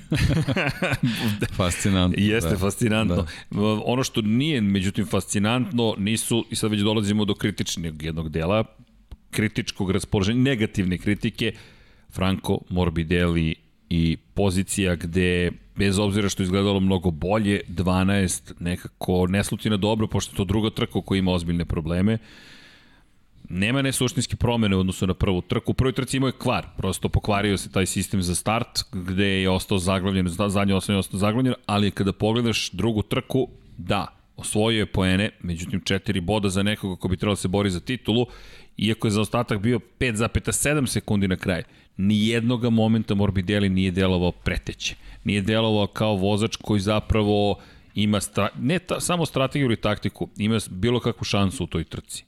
Bukvalno kao da nikakvu šansu nije imao. Da, ohrabrenje ta, taj zaostatak, što je možda dokaz da se taj, taj problem rešio sa, sa motociklom, ali upravo to što kažeš, jednostavno ono što, što, što smo se plašili, mislim da, da je i tom motociklu vreme prošlo, pošto vidimo ovaj rezultate i te maksimalne brzine uh, ostalih proizvođača, na, na pravcu apsolutno ne može da parira, a, a što se tiče uh, unutrašnjih sektora, konkretno 2 i 3 u Kataru, mislim da on i u odnosu na, na, na fabričke Yamahe sad, sad već ima zaista ne, neki hendikep, tako da, da mislim da je ovo što je uradio da je, da je možda neki maksimum u ovom trenutku. Evo pogleda na stanje iz perspektive maksimalnih brzina. Hvala Vanja. Franco Morbidelli 340,6. Nije da su Vinales i Quartararo ili Rossi imali mnogo više, ali opet nekako tih 340,6 da. je granica od koje kreće, ipak kreću problemi, rekao bih. O Lorenzo Savadoriju ne bih mnogo govorio, 335 da. baš. Da, evo ja, mislim, ja ono čisto da dodam, ako je, ako je uh, za njemu u odbrani zaista nisam znao, on već dugo vremena ima problem sa ramenima. Jeste, ima, ima povredu ramena ko, koju vuče, da, da, da, ali ja nisam znao da je da je u toj meri tolika, ovaj, ali jeste, jeste. ipak je ovo, da, ali ipak je ovo Ali ovo je to bih pre sveo na, na, na, i na Aprilio, donekli na njega kada ne želiš da, da kažeš vreme za operaciju, vreme, jer sada ima šansu i više neće imati. Da, ali da. bojim se da ovo izdanje Ne, da, ovo je bilo da se ne propusti prilika, da. ali očigledno... Nemči mi povratak da. na stazu, da. pogotovo ukoliko nađu, ne kažem da će biti rešenje Andreja Dovicioza, ali ukoliko nađu neko drugo rešenje, što može da se desi tokom sezone, nadam se iskreno, kada već, pošto je ovo pre svega smo ljudi, ako je dobio priliku, neka ga podrže do kraja onda. Neka da, ga da, podrže da, do kraja, apsolutno, operacija, apsolutno. oporavak i onda da vidimo drugi deo sezone, da li može biti deo sezone u kojem će Lorenzo Savadori reći, momci, pratim Lab 76, sad ćete da vidite kako se vozi. I ja mu želim upravo tako da naravno, sve naravno, iznenadi, naravno. jer to je zaista neophodno, no detalji su važni. Kao što si malo pre rekao, prosto kada pričamo o, o tome koliko svaka sitnica znači, takva povreda može značiti zaista mnogo. Malo pre, eto, priča o instrument tabli, pričamo o aerodinamici, stalno pričamo o nekim detaljima i ne znam, Vanja, možemo da bacimo pogled na, na, na još jedan tweet. Ovo mi je sad palo na pamet da bismo mogli da iskoristimo zapravo. Pogledaj ovo, ne znam da li si video, pozdrav za Aleksandra Vatića ukoliko nas gleda, nadam se. Čovek koga, to nam je i prijatelj, ali inače sjajan programer, tako da ukoliko tražite programere, to jest briljantan programer i više od toga, ali pre svega veliki ljubitelj kafe i veliki čovek. Kada voziš 340 km na čas, šta se dešava. Ovo je inače nešto što je ekipa Valentina Rosija shvatila, analizirajući podatke da je toliki bio otpor vazduha na ručicu kočnice da je zapravo se aktivirala prednja kočnica, samim tim su ocekli praktično deo na, na mestu gde je najveći, najveća sila, zapravo gde je najveći obrtni moment, jel te, s obzirom na činjenicu da imamo najveće rastojanje od tačke na kojoj je prikačena kočnica i sada je to postalo, to je to standard praktično u Moto Grand Prix, ali eto koliko su detalji važni, bukvalno svaki detalj morate da pokrijete u Moto Grand Prix kada spominjemo Rosija, pa i Franka Morbidelli i činjenicu za, i pričamo o Petronas Yamahi, jedno naj, ovo ne, ovo je najgora trka u karijeri Valentina Rosija. Ne mogu da kažem jedna od kvalifikacije na 21. poziciji završene, samo je Savadori bio sporiji od njega u cijeloj trci, manje više ga nismo ni videli, preko 14 sekundi za ostatka na kraju, u toj nekoj potpuno drugoj diviziji praktično se našao vozača i kada pogledaš jedan od najtežih momenta, rekao bih, za, za Valentina Rosija, 16. pozicija bez poena, on je predvodio ostatak sveta. Takaki Nakagamija, Luko Marinija, Danila Petruća i Lorenza Savadori, mada je Savadori bio tek 38 sekundi tamo. Baš, baš, baš daleko. Pa pričali smo posle trke, jednostavno ovo je neka situacija koja Rosiju apsolutno ne odgovara ove, ove Moto2, Moto3 trke u Moto Grand Prix sa, sa ovako velikim brojem vozača u, u, u kratkom vremenskom razmaku, ovih 14 sekundi recimo ni prošle godine ne bi bilo tako strašno. Ali jednostavno plašim se da, da, da će ova godina pokazati da on jednostavno pre svega, naravno zbog, zbog svojih godina jednostavno jako je teško da, da se drži da se drži takav tempo i eto, ovo, ovo pokazuje znači tih 7-8 desetinki za ostatka po krugu jednostavno u ovoj godini je suviše, suviše veliko da bi se očekivali neki veći uh, rezultati, posebno na ovakvim stazama koje su brze. Sad na, na nekim drugim možda to neće biti tako, tako drastično, a i očigledno da tu još postoji neki problemi sa motociklom, on stalno potencira ovaj, pronalaženje pravog balansa vezano za tu, za, za tu zadnju gumu i mnogo puta tokom karijere to, to je bila neka ključna stvar na koju je obraćao pažnju. Ako zaista tako nešto postoji, vidjet ćemo, sad je, sad jednostavno ekipi koja može da mu se posveti, da, da zaista da se zaista to, to napravi na neki optimum, pa be, eto, ostaje da vidimo da li će uspeti da, da se smanji taj rezult, uh, za ostatak, ovaj, ali jednostavno ovakve staze pokazuju da, da je jako teško se drži tempo.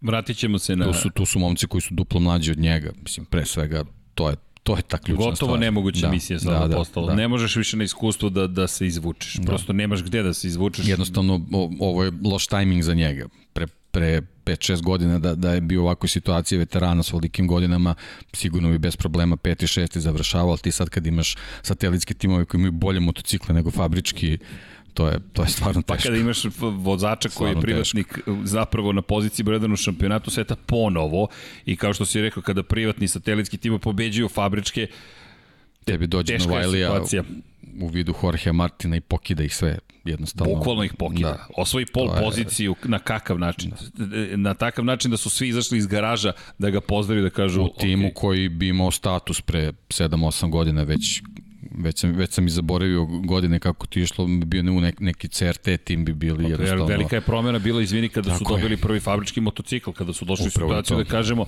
da. evo vam fabrički motocikl, to je bilo iznenađenje. Sada je to norma. Sada je to bukvalno norma i... Da, to su preslikani fabrički motocikli. Znači tu sad već nema opcije da ti, da ti dobiješ neka izdanja, pa ne znam, tvoje ogibljenje je drugačije u odnosu na fabričko, pa je podešavanje ono malo drugačije. Ne, ne, oni bukvalno imaju preslikane motocikle. KTM je otišao, izvini, toliko da. daleko da Tech 3 zna da ukoliko je njegov vozač na prvi poziciju šampionatu sveta, prvi dobija delove i zove se Tech da. 3 Factory Team. Tech 3 fabrički tim zapravo. Sad više nemaš ni, ni čak ni granicu šta je fabrički tim, šta nije Tako fabrički je. tim. I, I iz te perspektive gotovo nemoguća misija. Međutim, opet, to je Valentino Rossi, to je legenda ovoga sporta. Dao je sebi zadatak 5-6 prvih trka u kojima će videti da li može i želi da nastavi. Mada, interesantno je, već je počeo da lobira, već sada uveliko ozbiljno lobira da ostane još najmanje jednu sezonu. Ja sam ubeđen da on čeka publiku. Svi mi čekamo da odemo na stazu zapravo i da želi da se oprosti i opet tajming koliko je loš. Da ti u pandemiji, nije to najvažnija stvar u pandemiji, najvažnije da ljudi budu zdravi naravno, ali da ti se desi, završava se takva jedna karijera i nema nikoga na tribinama, a suština njegove karijere ste bilo upravo tome koliko je pažnje privukao, koliko je ljudi, koliko je doveo novih ljudi da se upoznaju sa sportom. I kažem, apsolutno za mene njegov najveći uspeh je to što nije sebe stavio iznad sporta. Iz moje perspektive, hvala mu još jednom, nije se stavio iznad sporta, već je rekao, ok, zalaza karijera, karijera polako ide u suton, i neće prekinuti u momentu kada mogu da se pozdravim sa praktično vrha ili skoro sa vrha, već ću nastaviti, neka su i sebični razlozi, ali mi smo dobili šta? Da kvalifikacije u subotu se toliko gledaju da, a Rossi nije čak ni ušao u Q2, da je Valentino Rossi dao Moto Grand Prix jedan, jednu potpuno novu dimenziju. Tako je. Tako je. Predivno, za mene I super je ona, ona priča. izjava, šala, istina, da čeka ovaj, da se Kosta pojavi u Moto Grand Prix da voze zajedno. pa kako je krenulo, dočekat će ga. To mi je super je krenulo, bilo, da. Pedro Kosta stiže. Ali da, da fenomenalni Rossi bio. Kad da. pogleda, fenomenalno iz te perspektive. I ja mislim da niko više ne očekuje pobede, rezultate, spektakl. Možda se poneko ubeđuje, pa bit će, evo sad će samo što Ali mislim da niko više ni ne sme da, da su svi rekli it's okay. to je pa, tako naravno, i to pa, je to. Naravno, I jeste absolut. u redu.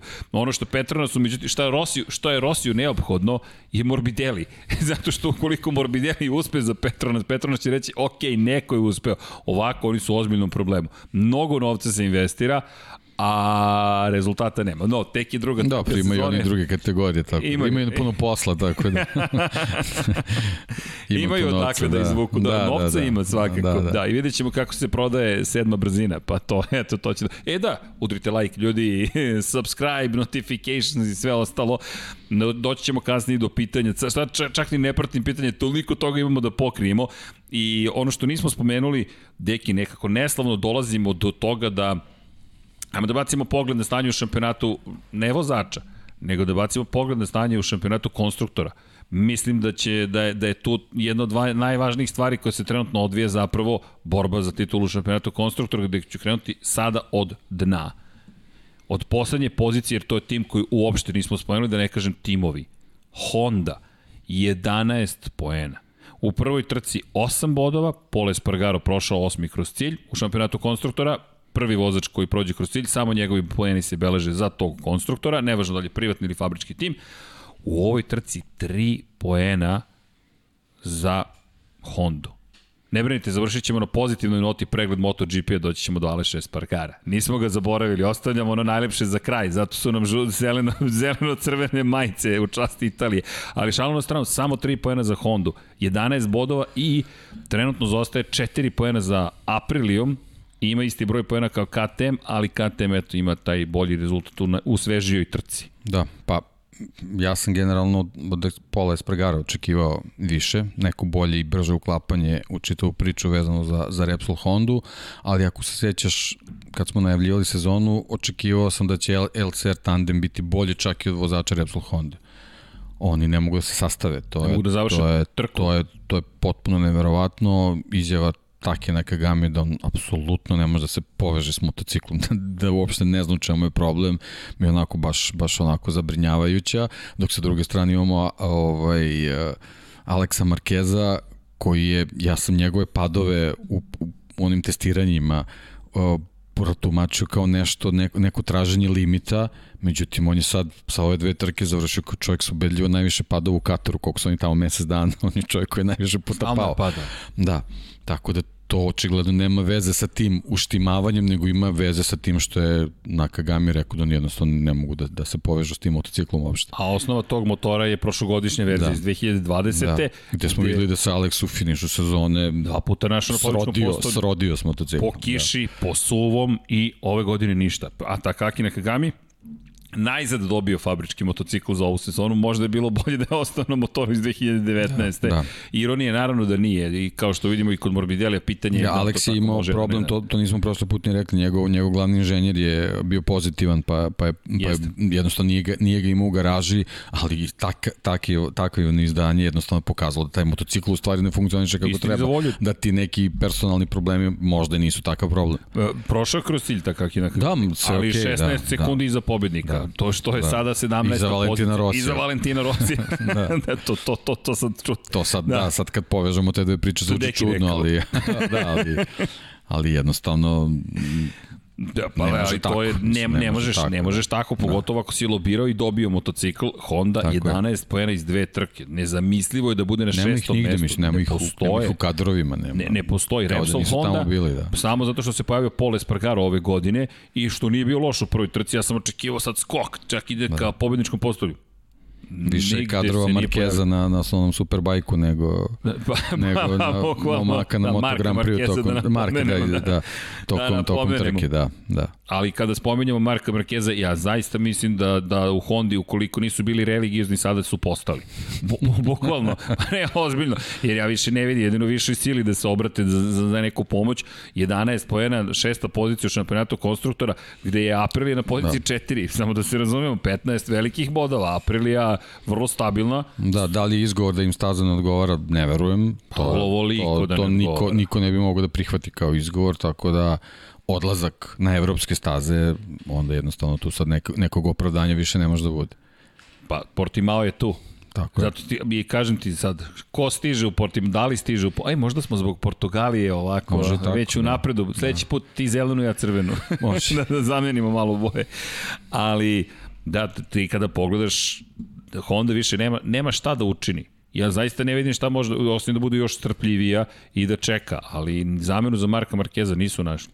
Pole Spargaro, kao što si rekao, možda nas i prevario, to nisi ti rekao, ja kažem, možda nas i prevario pred sezoni. Bio je zaista brz, bio je nekako sposoban, spektakularan gotovo i rekao je da je potencijal motocikla ogroman, da su dve greške dovele od toga da ne bude iskorišćen, ali to smo čuli i u prvoj trci. Samo dve greške. Sada da, ali, ali znaš šta mi je sad tu još neka misterija, još jedna misterija velika. Nevezano za ime, već za tim. Štefan Bradl. Čimali su čoveka koji je besomučno testirao čitavu priču. Na kraju se pojavio u trci. Na motociklu kojeg ono dan i noć je vozio. Feedback je tu. Jednostavno mi, nije mi jasno. 6,4 sekunde iza Priča, pobednika. pričali smo o tome kako su imali, kako su, kako su Lukavo broj iskoristili 14. mogućnost. Tako je. Šta su iskoristili? Iskoristili su da on ima najviše kilometara od svih vozača u Moto Grand Prix i ništa. I ništa. A i to je svetski šampion iz 2011. Tako je, tako ne, Kao Marquez, što je apsolutno ne šampion pričamo o Moto2 i nekom ko je Moto3. tu zalutao na tu poziciju, njegov uloga je On ima u četiri milione priče. kilometara, on sad već milione, Da, preterujem, ali ljudi to, idemo ka nekim impresivnim brojkama i po tom pitanju, nije bilo dovoljno. Nije bilo dovoljno. Tako da kažem, Dva poena za njega. Ne, ne, da se traže neka opravdanje, jednostavno ne, ne, ne, ne postoji prostor za to uopšte. Posebno kad govorimo o Repsol Hondi kao, kao imenu koji drže ovaj šampionat 30 godina već unazad. Ne postoji. Ali bukvalno da. ne postoji. I kao što si rekao, više Repsol dobio reklame kroz Marka Markeza. Pa zato on i tu generalno u toj čitavoj priči. Da se razumemo jednostavno. On je, on je taj koji drži sve to i oni njega jednostavno ne mogu tako lako da se odreknu. To je to. Je to. Pa iako je bilo pitanje da li će kako se... god, tako ne, je, ne, kako god. A ono što je sad veliko pitanje kada se vrati na stazu, kakva će biti forma. Negde ja ne očekujem mnogo manje od onoga što je pokazio kroz celu svoju karijeru, ali zato mi jeste intrigantan taj vikend. No, da ne žurim, doći ćemo do tamo. Imamo još jednog čoveka, imamo još nekoliko ljudi koji nismo spomenuli, ali Deo šta, Luka Marini, prilagođavanje, 18. pozicija, nije to da, loše. Izvini, jedno sad kad smo spomenuli Markeza, pa ćemo da, da. nastavimo sa, sa drugim vozačima. Jedna bitna stvar vezana za Jorge Martina. On je čovek koji u drugoj trci u Moto Grand Prix stigao do pol pozicije, što su do sada uspeli samo, samo dvojica vozača.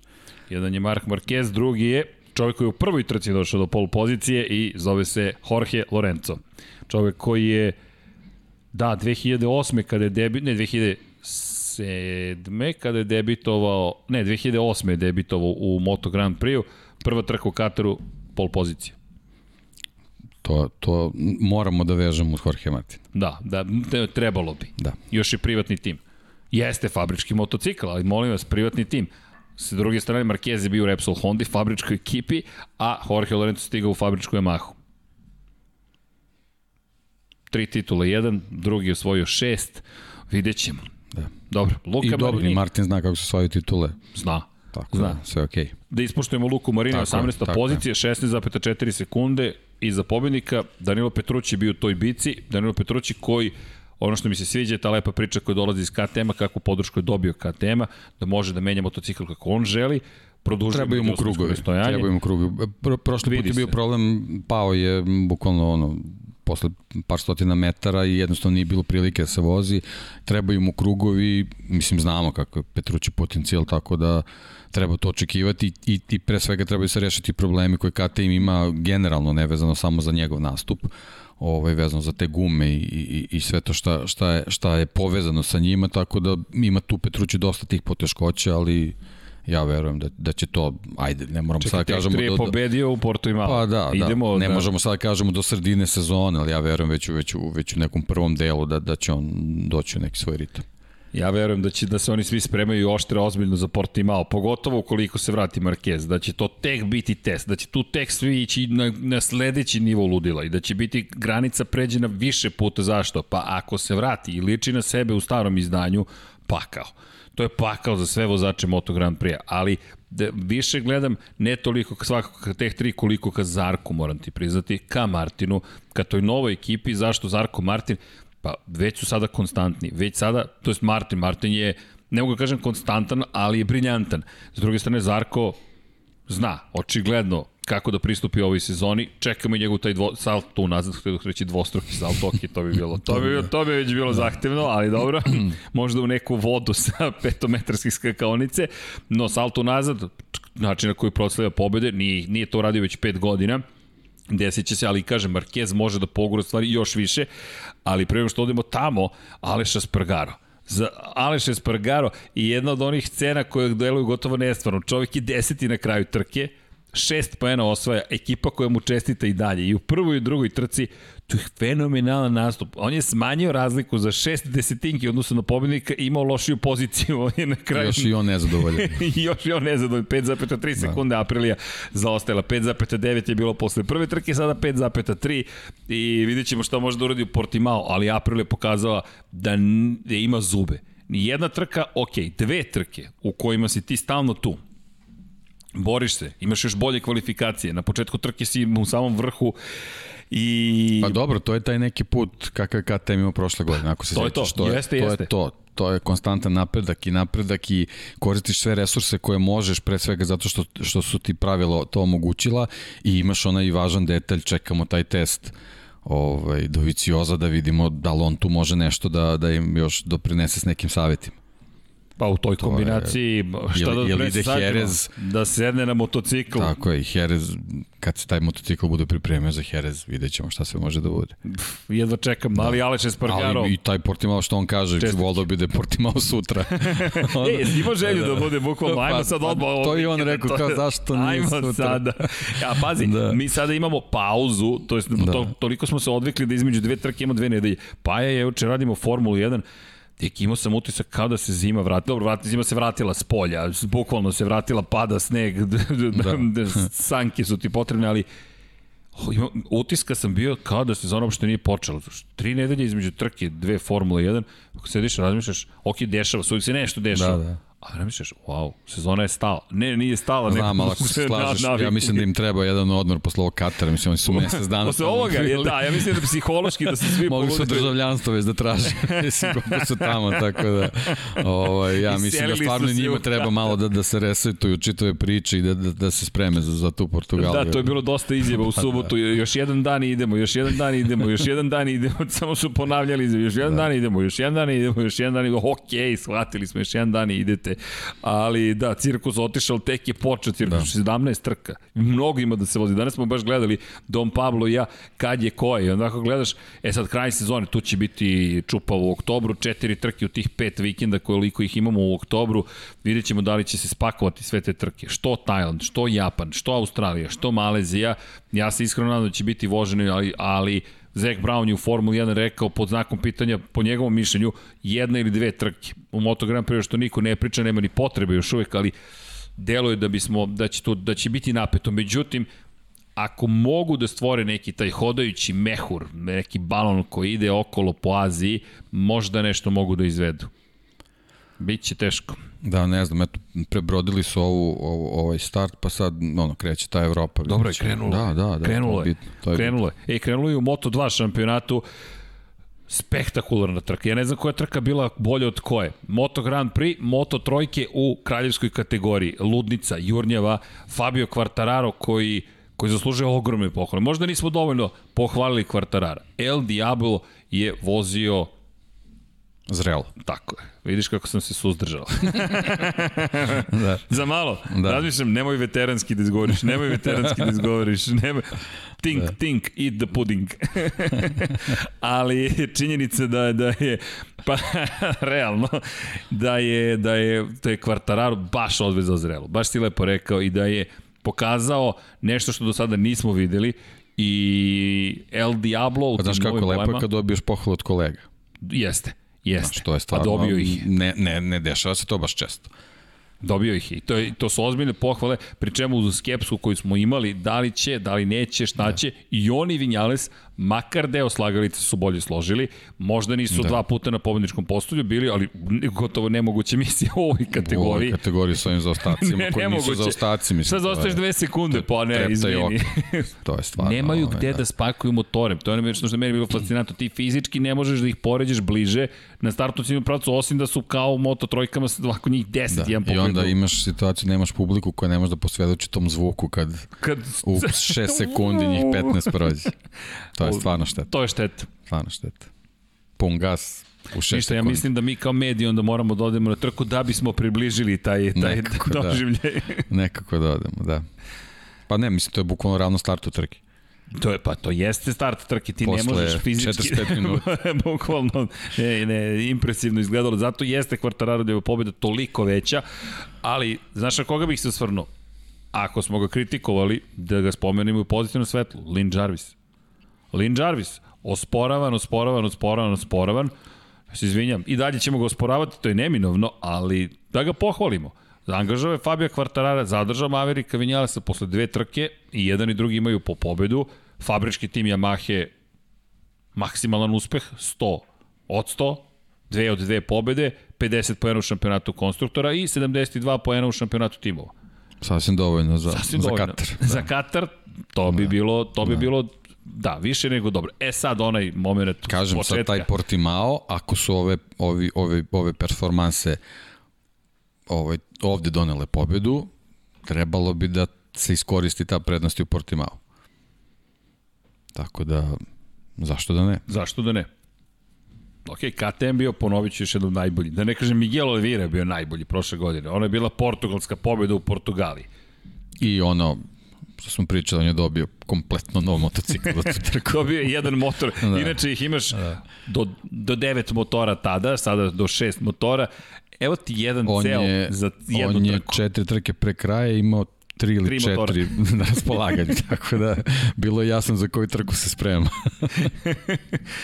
Da, cenim da. da nisu baš stedili taj motor uopšte. A, dobro, treba iskoristiti sve svoje prilike, ali pohvale, ozbiljne pohvale za Fabio Quartarara m, s razlogom u onakvoj konkurenciji, onako kontrolisano još kada pogledate i trening broj 4, kada pogledate jutarnji trening, kada pogledate generalno njegov razvoj tog motora kroz tokom vikenda i koliko je naučio iz prve trke, zaista lepo si rekao, zrela vožnja i naravno pohvale za Zarka koji vodi u šampionatu i Martin koji nas je oduševio, blago rečeno oduševio. No, Moto dvojke su takođe bile strašne, ali potpuno drugačije.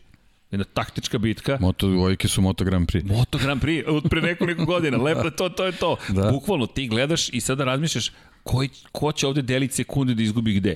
Sam Lowe's, još jedna pobjeda, fantastičan je bio, ali Remy Gardner na jednom nivou koji je neophodan ukoliko želite da budete šampion sveta, Hvala. Ovo vam je kada sarađuju što Momčilo, što Vanja i dobijete eto kako izgledaju poslednji krugovi ove trke. Sam Lowe s crvenom bojom, Remy Gardner obeležen žutom, naranđastom, koja je već boja. Šta ih ovde deki odvaja? Jedan i drugi su imali po jedan loš možda krug, ali manje više to je to. 1.59.3, 1.59.1. Približio se Remi. 1.52, 1.59, 1.98 da budem precizan, 1.59.2, 1.59.1 za Lousa pa Gardnera, pa 59.0 i 59.3. To je bekstvo, međutim, 59.2 pa 58.9. Odjednom Gardner koji vozi najbolji krug. I onda, poslednji krug, postavlja najbrži krug trke prvo prvo Sam Lowe's 1.58.954, a odgovor Remija Gardnera je 1.58.936.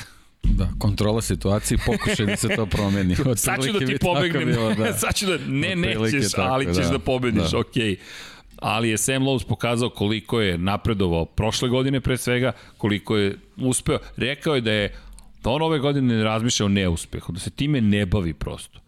Da je pot, mnogo opušteniji u, u tom pogledu da li će napraviti grešku ili ne. Ne razmišlja o greškama na taj način. To mi je vrlo lepa izjava, opet zrela izjava, izjava koja može da ga dovede do titula šampiona sveta. Dve pobede iz dve trke, ali na kakav način ostvareno, uz dve pol pozicije, uz zaista kontrolu trke, kao što si rekao. Prošli put Gardner, koji je isto napredovo, to je takođe lepo vi, bilo videti, agresivno napao o još jednog Novajlija, briljantnog Raula Fernandeza, koji, deki, šta je sa Novajlijama? Šta je sa Novajlijama? Ti kad pogledaš, kažeš, čekaj, čekaj. Ko, pa vikend Novajlija je bio. Vikend bukvalno Novajlija. Da. I kažeš, čekaj, pa kad je ovaj momak stigao u Moto2 klasu? Pa ove godine. Pa šta traži ovde? Pa pobedničko postolje. 3,7 sekund, 3 sekunde iza, iza Sema Lousa i to pošto je odustao od brze vožnje. Dakle, Novajlija na pobedničkom postolju u Moto Grand Prix, Novajlija na pobedničkom postolju u Moto dvojkama i pobednik u Moto3 klasi iz pit lane-a u Moto3 klasi ne znam ko je, ko je bolje prošao, MotoGP, Moto2 ili Moto3, pri čemu Gardner manje od dve desetinke iza pobednika na kraju, ali Gardner koji je napao u pravom momentu Raula Fernandeza, agresivno veoma, i nije dozvolio da mu ponovo neko bude između njega i Sema Lowsa. I tu je, mislim, ključna razlika između prve i druge trke. Da je u prvoj Sam bio mudriji, a da je Remi prekasno reagovao i da je pocenio koliko će pobeći Sam Lowe's do momenta kada se da, njemu bio malo, malo neodlučan. Da. U određenom trenutku. Ali, znaš kako, prva je trka, ono kao da li je važnije da je završim ili da probam. Novi tim, tako je, dobio tako si ugovor. Ali definitivno KT Majo je pripremio se za ovu sezonu spektakularno. Drugi, zaista. peti u prvoj trci, drugi, da, treći da, u drugoj trci. Pričam i kroz nižu kategoriju, znači generalno ono, tim, apsolutno. Masija prvi, drugi da, sa Kostom da. u prvoj trci, u drugoj trci, a Kosta pobednik. Da. Masija nije baš bio drugi, ali dobro. Da. Pričat ćemo. Pričat ćemo o tome, ali, ali definitivno, znači od, ovde po svemu sudeći imat ćemo duel jednog iskusnog i jednog momka koji je onako uspono ozbiljno, plus jednog Novajlije. Da, Tako i, da imamo baš onako dobar miks da vidimo šta tu može da prevagne. Još Gardner sa tim prezimenom, Vejna pa, Gardnera, da, to je, sin legende ovoga sporta, šampiona sveta iz 1987. Znaš, kad jedan ceo kontinent gleda u tebe, to je ozbiljna priča, a ti, a ti tako dobar nastup imaš. To je I prezivaš se Gardner. Da. Prezivaš se po, po, zapravo tvoje prezime piše na pravcu kada stigneš kući da voziš na ostrovu Filip. Gardner pravac, ni manje ni više omaž čoveku koji je prvi doneo titulu kraljevskih kategorija u Australiju, te 1987. Otud i taj broj 87 kod Remija i Raul Fernandez zaista spektakularno. Ubeđen sam bio da će svojiti pol poziciju. Nisam ga očekivao na, na, na postolju, ali nekako mi se činilo da je Raul predodređen da ima te brze pojedinačne krugove, da ga niko neće sprečiti, međutim Sam Lowe je rekao, ne ne, ovo je moje.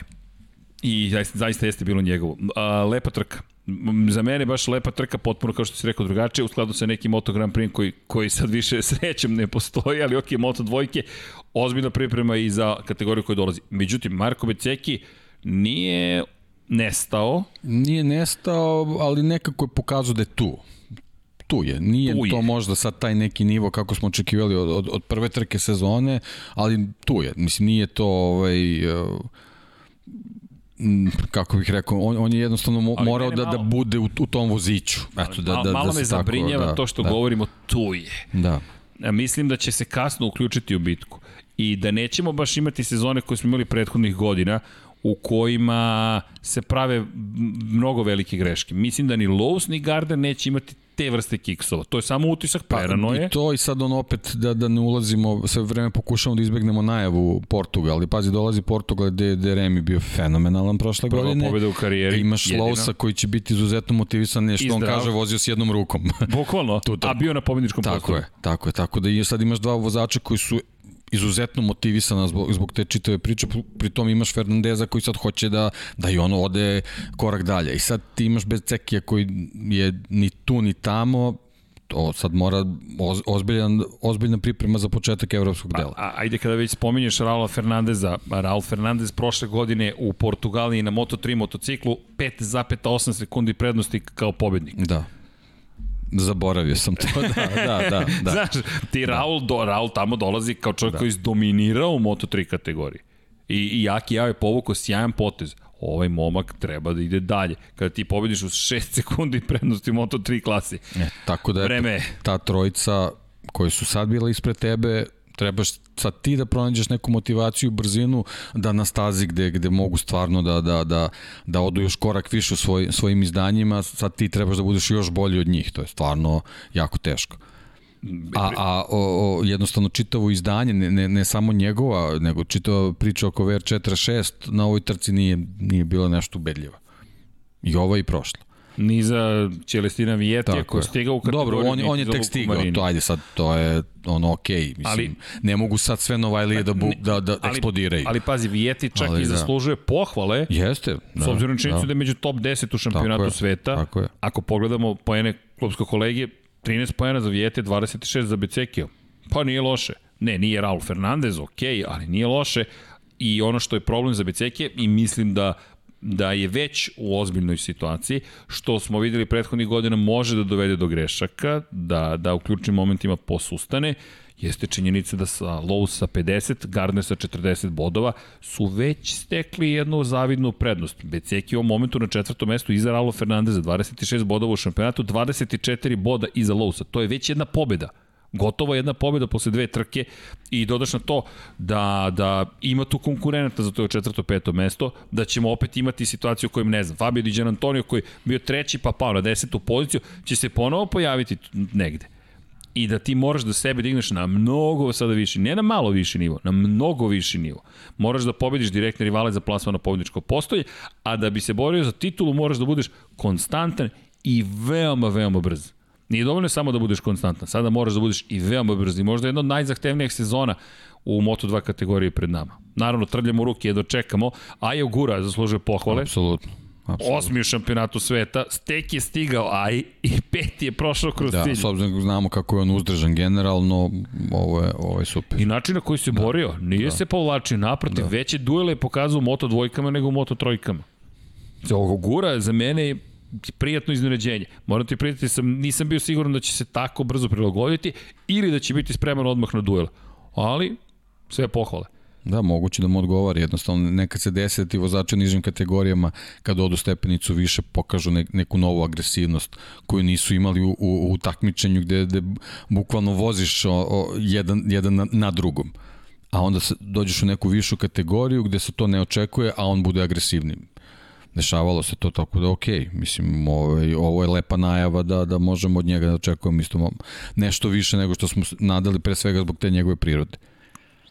Za sada da. odličan, peta pozicija da. u drugoj trci u karijeri. Kažemo, nisu sve Novajlije toliko impresivne. Došli smo do stadijuma da Auguru spomenemo tek kasnije, Zato što je samo Da, zato što su neka briljantna izdanja da. bila, da. Zato što da. su potpuno su poremetili situaciju gde ti kada pogledaš teško je sada istaći nekog Novajliju pored i Akoste, i Martina, i Raula Fernandeza i reći to je impresivno. A jeste impresivno, zaista jeste, zato nekako se trudimo da istaknemo i Bastianinijev i Ogurine uspehe, zaslužuju to. Ono što re, dodao bih u cijelu ovu priču jeste, to je samo moje mišljenje, pohvala za, za na neki način u celoj ovoj priči za timove e, koji su omogućili uh, tim vozačima da se osete na, na, na, u, nekako na svom mestu. Kao da su od uvek tu. I to što si rekao za Red Bull KT Maja, ti kada pogledaš, a Kosta, njegovo samopouzdanje, dolazimo i do, te, do, do Moto3 trke, da on razmišlja pred početak trke o tome da će ići na pobedu. On bukvalno to rekao na kraju trke, po, pošto je prošao kao prvi kroz cilj.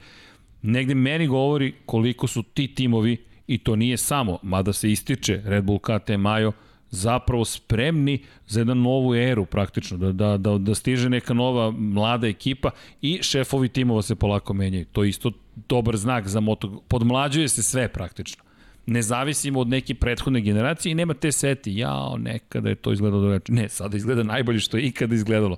Ono što si rekao, zlatno doba, bukvalno da, i novo nekako, zlatno doba. Mislim, samim tim, zbog, zbog čitave razvoja, razvoja informatike, društvenih medija, e, mreža i medija generalno, mi sad imamo dve niže kategorije koje nisu zapečku.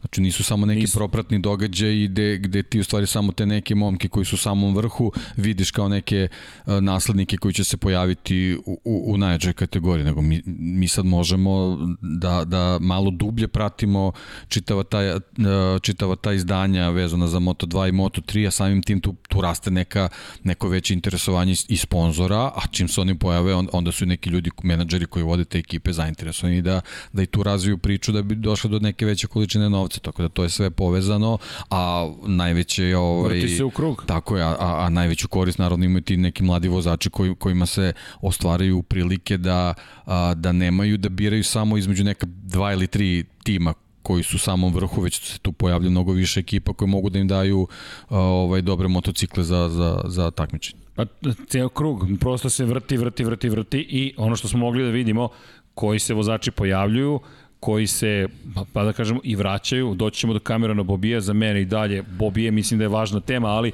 pre njega Joe Roberts i Jake Dixon kao razočaranja. Da, iskreno, šteta. Najveće šteta, da. razočaranja. Da, da, šteta za, za ove padove. Mislim, generalno, trke su počele ok, i za jednog i za drugog, nažalost, pali su obojica, ovaj, ali eto, možda, možda im bude ohrabrenje način kako, kako su u, u prvom delu trke bili. Mislim da je osmi, čini mi se 11. 12. krug su bili padovi, tako da šteta. Pričamo i opet iz te perspektive podrške i sponzora. Petronas koji baš imao problema u Moto2 da. pa i u Moto3 kategorijama.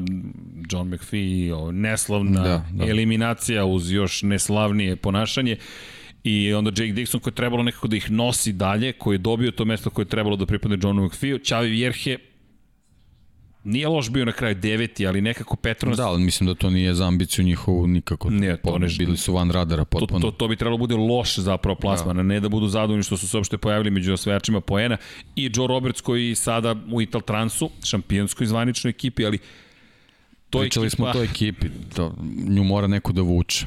E, de, delo je, da. lepo si rekao da joj treba vođa. Kao da se demorališu posle nek, nekog lošeg rezultata i onda je traže neku inspiraciju da bi na sledećoj trci to sve bilo kao švajcarski sat. A to To je teško postići kad se tek pojaviš. Tek ću ja da hvalim Bastianinija da. kako je krenulo, vidim ja. da. tek, tek ću da, da ga hvalim na da. osnovu onoga što smo videli prošle da. godine. Ali, da opet trljam ruke, zašto? Pa pomislim samo na to šta nas čeka kada je reč o Bastianiniju i onome što nam stiže u, u Moto Grand Prix ali, ali vratit ćemo se mi na kasnije na U stvari nećemo, to ćemo sledeće nedelje. Ja sve želim da kažem šta sledi, ali zapravo to je za sledeću nedelju. U svakom slučaju, Joe Robert, Jake Dixon bez bodova u ovoj trci, a bili su na pozicijama 6 i 7 u prvoj trci i mnogo bolje sve to izgledalo. Ok, nije onako kako su želeli da počne, ne vidim da će se boriti za titulu kako je sada krenulo kada pogledaš razliku između klase prosto vodeće dvojice i ostatka sveta, ali ta treća pozicija u šampionatu možda će još biti otvorena. Ima tu još puno da se vozi, ima tu verujem još i mnogo motiva. Istakao bih međutim nešto što mene makar zabrinjava, a to je ogromna razlika između Bosko Skura i Kaleksa ove sezone. Da. Speed Up se preimenovao u Bosko Skuro, međutim tek, tek 9 pojena iz prve dve trke i ne liči na tim koji bi, ne, i, proizvođača koji bi ikako mogao da ugrozi zapravo Kaleks. I Kaleks jeste od uvek dominantan bio, ali ovo je sada novi zastrašujući nivo. NTS nije osvojio ni jedan poen, MV Augusta nije osvojila niti jedan jedini poen, polako postaje... Da, možda, možda će na nekim stazama biti neka prilika za njih, ali s obzirom kako, kako je ovde bilo izdanje, teško. Postaje kategorija jednog proizvođača što šasije, što motora, Triumph svakako po ugovoru mora jedini da proizvodi 765 kubika, trocilindrični motori, trogodišnji ugovor je u toku, ovo je, jel te, ta treća sezona u kojoj koristimo Triumfe, pa ćemo da vidimo sad, naravno, nastavit će da ih koriste, ali da li ćemo doći do toga da imamo samo Kalex stream. Da, ali znaš kako, generalno ne možemo se žalimo zašto imamo dobre trke. Da, to je ono poente, znaš kao imamo, imamo kvalitetne dobre vozače, šta bi bilo kad smo im dali identične motocikle, evo imate pa, identične uslove do toga, da. i to je to. Tako da to može se gleda sa jedne ili s druge strane. Tako Čaša da, je polupuna, pa, slažem da, se s tobom. Pa, Bolje da, tako da pa, gledamo. Da, ali mi je nekako tužno pa, da, kada pogledam šampionat konstruktora, nema nikog Znaš, drugog. Ja, ja ne bih volao da se pojavi neka situacija da sad sa tih više ovaj, konstruktori motora dođemo u situaciju da možda neki timovi nemaju mogućnost finansijsku da naprave najbolji paket ili ovako prilično je to sve slično, pa, pa vidjet ćemo. Vidjet ćemo i samim tim, znaš, ako je već Bosko Skuro po tim imenom tu, možda tu sad postoji neki motiv da oni možda dodatno ulože neka sredstva, da, da malo porade na marketingu, da se to popravi u nekom trenutku, ali naš nezgodna je situacija, da, da ne ponavljamo priču oko COVID i svega, nije sad, sad trenutak da, da neko neke dodatne pare ulaže u odnosu na one koje je već planirao, tako da vidjet ćemo. Pa gotovo i nemoguća misija. Tako je. Bukvalno je gotovo nemoguće misija. No kako god, držimo im palčeve, Kalex svakako je postavio standard i lepo si rekao, ajmo da gledamo stvari iz vedrije perspektive. U ostalom tako i volimo da posmetramo ceo svet vedrija perspektiva. Ne bih se mnogo zadržavao na, na, na moto dvojkama. Zašto? Dodao bih još samo jednu fascinantnu bitku koju verujem da ćemo imati, a to je pet pojena razlike između Red Bull KT Majo ekipe i Mark VDS Racing tima to je potpuna izjednačenost. Kakva dva sjajna tima. Augusto Fernandez se oporavio u drugoj da, trci. Da, to je najveći pritisak je na njemu. Jeste, drugi deo, drugi deo trke, ok, prvi deo katastrofa ma, mora mnogo brže da se budi, izgleda da mu treba neki budilnik na startu da, da jednostavno da to ovaj ima budilnik preko puta garaže i to pa, ozbiljno budilnik to. ima ima britanski budilnik kako ga ono nije probudilo to dominacija Sema Lusa ništa ga neće probuditi. Nije nije mu lako.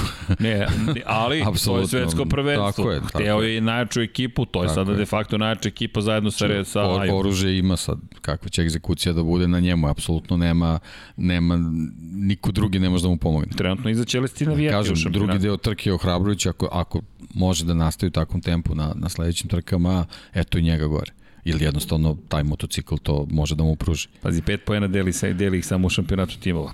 Bombona, Moto dvojke prava bombona. Međutim, najlepša situacija, rekao bih, ne mogu da kažem, trka Moto Grand Prix ipak odneo tu pobedu. Pedro Acosta. Najlepša slika. Da, najlepša slika. Startuješ iz pit lane-a, I moram ti reći da mi je žao što ne, nisam... Ne startuješ sam iz pit lane. startuješ sa još pet vozača. Čak su dobili svoj mini startni poredak, lepo su im iscrtali tačno gde da stanu i raspored su odredili po tim najboljim vremenima, tako da imaš mini kvalifikacije u okviru kvalifikacija.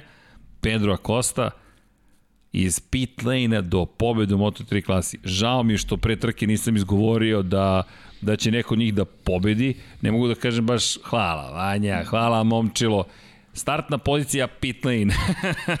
ne, to, to je potpuno bizarno da izgovorimo uopšte, kamoli ovako kada piše startna pozicija pit lane na kraju po... Ali, fascinantno, on je vodio i u 17. i u 18. krugu. Ljudi, 23. pa onda 22. 22. 22. 22. 22. 22. 20. 20. 20. 19. 17. 14. 11. 7. 5. 1. 1. Čovjek nije gubio pozicije na kraju krugova. Ne, to je konstantni napredak. Ako pogledamo razlike u, u vremenima, to jest za ostatke vremenske koje je Pedro Acosta imao, sa razlogom ćemo prvo plasirani e, Pedro Acosta. Dakle, kada govorimo o prvo plasiranom, proplasirani u tom momentu, a da nije Pedro Acosta. 2.07.397. Prvi krug zanemarujemo, s obzirom na činjenicu da ni nema potrebe. Mada, možda smo mogli i to da dodamo, čisto da, ne znam da bi Pita stala, ne Pita, ovaj Torn, da li bi stao uopšte, kolika bi razlika bila. 2073, 2067, 2071, 2068, 2074, 2067. I ako pogledaš, jedini moment kada je delovalo da neće ih sustići, to su sedmi i osmi krug, gde je razlika bila minimalna, ujednačeno sve. Međutim, krug broj 11, 208, 5, 206, 317. Ok, jeste mi dali šansu? E, hvala vam, najlepše. I ono što je fenomenalno, momak nije ni jednog momenta popustio. Ljudi, on je imao samo četiri kruga koja su bila sporija od 2.07. Sve je 2.06. 2.06, 7, 8, 7, 4, 3, 7, 9, 8, 4, 3 i onda 2.07, 3, 2.07, 3, 2.07, 9, 2.07, 2, Hvala lepo i onda posljednje dva kruga 206 206. Wow. Deki, Ja nemam nikakav adekvatan komentar. O, ovo sve go, ti se samo smeškaš mudro. Pogledaj ovaj surovrat razlike u vremenima. Od 11 sekundi za ostatka do pobede.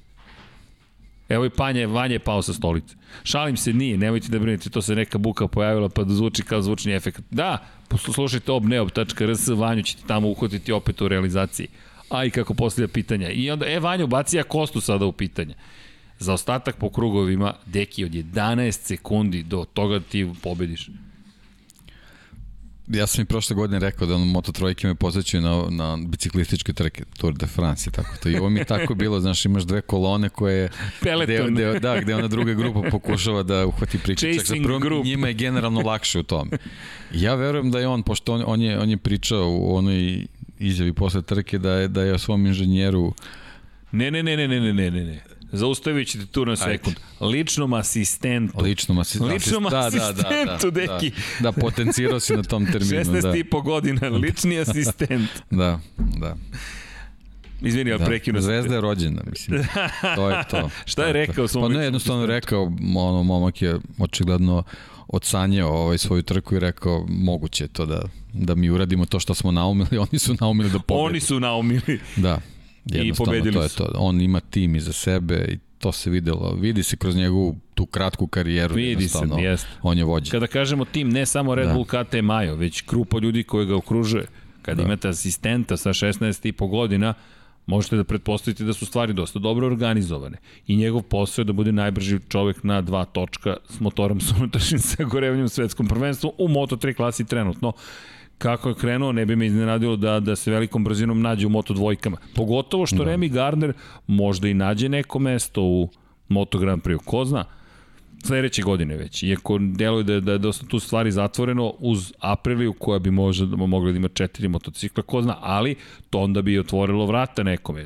Da, možda trčim pred rudu, ali... Mislim, čisto ono, kako se priča ta voda, ja njega vidim ono, KTM kroz karijeru to mi nekako tako, tako delo i ovo je sad ohrabrenje za svih, sve njih da, da, da, da recimo da za kažu, neke to je taj 3 do 4 godine bukvalno pripreme čitavu priču. Tu je sad samo problem ovaj, uh, Augusto Fernandez koji nosi njegov broj, jednostavno moraće nekako da, da, da ne budu u istim kategorijama, da ne bi dečko morao da menja, pošto ja verujem da će ovo biti njegov zaštitni znak, ovaj broj.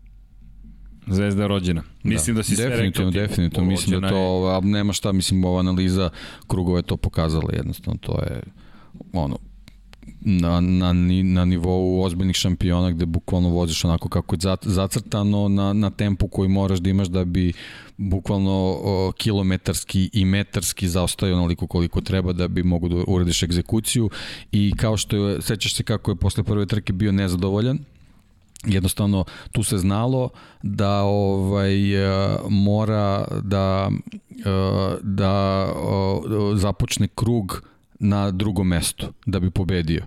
Jednostavno nije nije mogao to da izvede.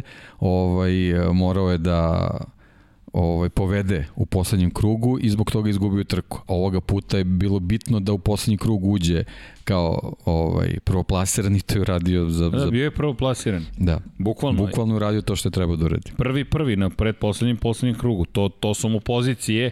Derin Binder, iako iskusni, iako da. sad isto ima jednu ozbiljnu ekipu u sebe. Ako je neko svetla tačka Petronasa ovoga celoga vikenda, onda je to Derin Binder možda je najmanje očekivani heroj, neko ko je stalno padao i bio incidentima, sada najkonstantniji, ali sjajna vožnja Derina Bindera da. i pozicija broj 2. Međutim, to nije dovoljno da vodiš u šampionatu sveta, da bi vodio šampionatu sveta moraš da imaš pobedu i drugo mesto, što ima Pedro Acosta da. i 45 da. bodova. A Acosta I... je to jedno što ima timskog kolegu Masiju, nisam ga, nisam ga ni spomenuo, jednostavno on je očigledno mnogo bolji u tim nekim taktičkim igrama i pobedio je na, na, na prvoj trci ovoga puta zbog, zbog svojih drugih duela nije, nije ovaj, došao ti situaciju, ali zbog toga je Costa bilo malo Mada. lakše, ali to apsolutno ne umanjuje. Znači ono što je naumio, to je uradio. Masi je pravio greške tog tipa da. i prošle godine. U nekim ključnim momentima je gubio šanse za pobedu, iako delovalo da ide, kao posećam se San Marina, gde na zadnjem pravcu on ulazi u neki nepotrebni duel do krivine broj 8, on je jednom peti.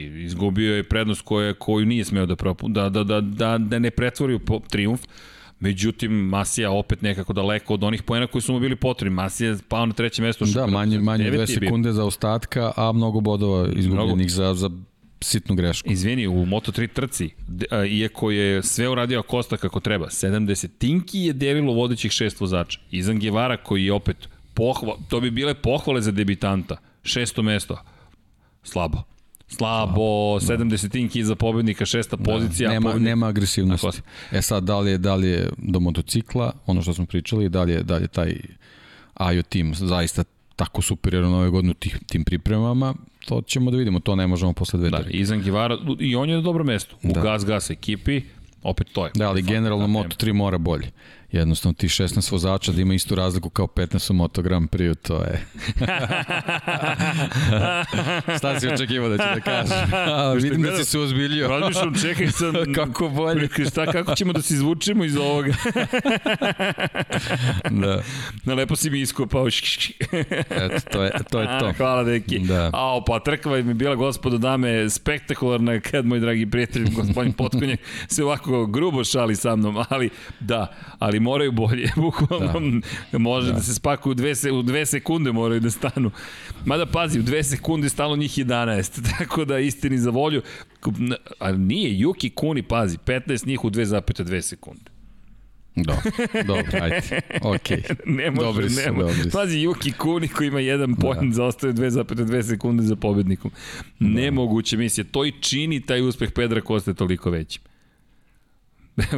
Ne, ne znam šta će biti, ali prvi put posle duže vremena, moram ti priznati, ali pričali smo o ovoj generaciji, još prošle godine smo pričali o tome kakve generacije stiže, ali ja sam zaista više gledao kao Izan u Gevari, pa onda Artigasu, na trećem mestu mi je bio Acosta, možda sam previše skeptičan kada je reč o uspesima u Red Bull kupu Novajlija, da je kup Novajlija osvajači nisu nužno baš postajali tako lako šampioni. Mada, prvi osvajač Kupa Novajlija, Red Bullu. I se sjećaš ko je prvi? Jer sticam okolnosti znam. Joan Zarko. Da li veruješ da je Zarko prvi osvajač Red Bullovog kupa Novajlija? I to je čuvena priča, u to vreme nisi dobio nikakvu nagradu. Potopšete po ramenu i u redu je, to, je to. to je to. Posvojio si titulu, ćao. I to je priča kako zapravo očekivao da će odjednom sada se otvoriti vrata, osvojio sam titulu kupa Novajlija. Ništa. Nigde nikoga, a nije baš da u Francuskoj je bilo ogromno interesovanje za motociklizmom, sada se dosta promenilo, međutim Zarko nekim drugim putem, a i nije ni on najjednostavniji u pregovorima, kao što smo videli više puta, i moraju da čeka, ali danas vodi u Motogram pri šampionatu sveta, a osvajač Kupa Novajlija, prošlogodišnji vodi u šampionatu sveta Moto Trojki. Hm. Hm. Lorenzo da. Baldassari, Karl da, Hanika. Vidjet ćemo, ali jednostavno nastup njegov je stvarno fascinantan. Jeste, jeste. Mislim, ne, još je rano da, da se poredi u ovom trenutku sa nekim ovaj, starijim šampionima. Čekaj, ko je sad stariji ali, šampion? Da, da, ali ovaj, stvarno je... Smem ja da izgovorim? Izgovorim. Da, ne, još je rano da se poredi s Marko Markezom, na primjer. O Valentino Rosiju neću ni da pričam. Ima ovde jednog, jednog obožavateljku Marka Markeza. Cenim da ne prija ovaj moment kada se kaže stari, ali pozdrav. Smem da kažem ko nam je to? Mogu. Da, Mina nam je došla u posetu, tako da pozdrav za Minu. I u crvenoj majici Lab 76, a to, nikad nikom lepše nije stajala majica, to je samo do nje, nije do nas. I činjenica je da je Mark Marquez polako ušao u tu kategoriju gde je on meta, to jest on je taj koji je stariji šampion. I sada to su ta poređena, da li dolazi novi šampion koji će doći do toga. O Rosiju da pričam, Rossi je već u nekom panteonu koji je poseban, 42 godine i dalje vozi čovek, ali eto, Pedro Costa, Izan Guevara, Raul Fernandez, Celestino Vietti, to su te neki novi generacije. Ej, ali imamo jednu malo stariju generaciju, ne smemo da zaboravimo. Na poziciji 2, inače, spomenuli smo Bindira, Nicolo Antonelli. Jeste. Briljantno. Jest, U Avinti na drugoj trci sezone za novu ekipu koliko radosti. Koliko radosti. Koliko to radosti. To je, da, da, da. koliko je bio srećan što je s novom ekipom na pobedničkom postoju. To je momak koji je beležio pobede, koji se borio za titule ne do kraja sezone, ali na početku godine uvek je nekako izgledao sad će Antonelli nešto da postigne, sad će da dođe taj dobar moment. Nikad ništa i Nikolo Antonelli koji je to stigao u e-sponzoramu, to je zvanično Avintija e-sponzorama Moto3 tim, na pobedničkom postolju i lepo ga je bilo vidjeti na tom mestu. Zaista jedna od emotivnijih scena, čovek koji je u 2012. u šampionatu sveta, zato ga toliko često ispominjemo, neko od koga smo očekivali baš mnogo. Da, pametna trka, onako klonio se svih Jeste. nevolja koji su se tu pojavljivale tokom trke, ubrzo je kad je, kad je trebao, bio je najbolji u, u tim nekim završnim fazama, ovo je stvarno zasluženo, apsolutno, ne, ne, E, on je da. pre pet godina osvojio, to jest otvorio sezonu pobedom u Kataru, I te godine smo mislili, to je to, prethodne godine imamo dva triumfa. To je problem sa tim Katarom, zato je sad tu neka sad zadrška generalno ko čita ove priče. Ali smo ga imali dva da. puta. Sećaš pa se možda ono ranije kad je bila Formula 1, znaš, bile su prve dve ili tri trke van Evrope i pa to dobro, niko Albert nije shvatao, i to niko nije shvatao za ozbiljno. Nego da. te kao kad dođeš u Evropu, to je ta. A ja, znaš, ono, stalno pominjamo već dosta podcasta unazad ova, ovaj Moto Grand Prix me posjeća na tu formulu tih 90. godina. To je to. Da, da sad ovaj Katar, ajde, sve ovo super, sve je sjajno, ali da, da ostavimo prognoze kad prođe Mada, taj porti malo pa da vidimo. 90-ih sezonu je otvarao Brazil, ako se dobro sećam. Pa bilo je, bilo je, bio je Rio tamo negde 85. 86. nego su bile paklene temperature i onda su odlučili da, da Interlagos to je, je bio jedan da, da, bio je Interlagos. Pa da, i Pacifik, da, da, velika da, da. Motegi, velika da, nagrada Pacifika. Da, bila je Aida je staza bila. A e, jeste, da, moja greška. Pa, da, Pacifika, da, da. da, nije Motegi, a ide. Da, da, pa bilo je. Mislim, Čuveni incident, tu, da. Ayrton Senna i Mika Hakkinen. Da, da, da. da, da. u prvoj krivini. Tu je bilo nekako ono, godine eksperimentisanja, sve se to tek formiralo da, da dobijemo ovo nešto što smo sad dobili. Tako da, i, i me, kažem ti, meni Moto Grand Prix sad na to vreme podsjeća vezano za formulu, mnogo dobrih vozača, izjednačene trke i onda kreće ovo eksperimentisanje sa elektronikama i tako dalje, tako dalje, tako da vidjet ćemo gde to ide, samo što je ovo mnogo bolji recept, to smo već spominjali, da, mnogo izjednačenih motocikala i tri fantastične kategorije, stvarno stvarno je drugačiji u tom smislu. Vidi, obrni okreni mi dobili smo spektakl. Ovako ili onako. Da. Jedan spektakl iz pitlane do Sediš, pobjede. ne radiš ništa i spektakl. sediš. a, da. ne, sediš i uživaš, a, a da. neko ti kaže radiš. Radio? Ne, ne, ne, ne. Apsolutno samo uživao, ali dobro.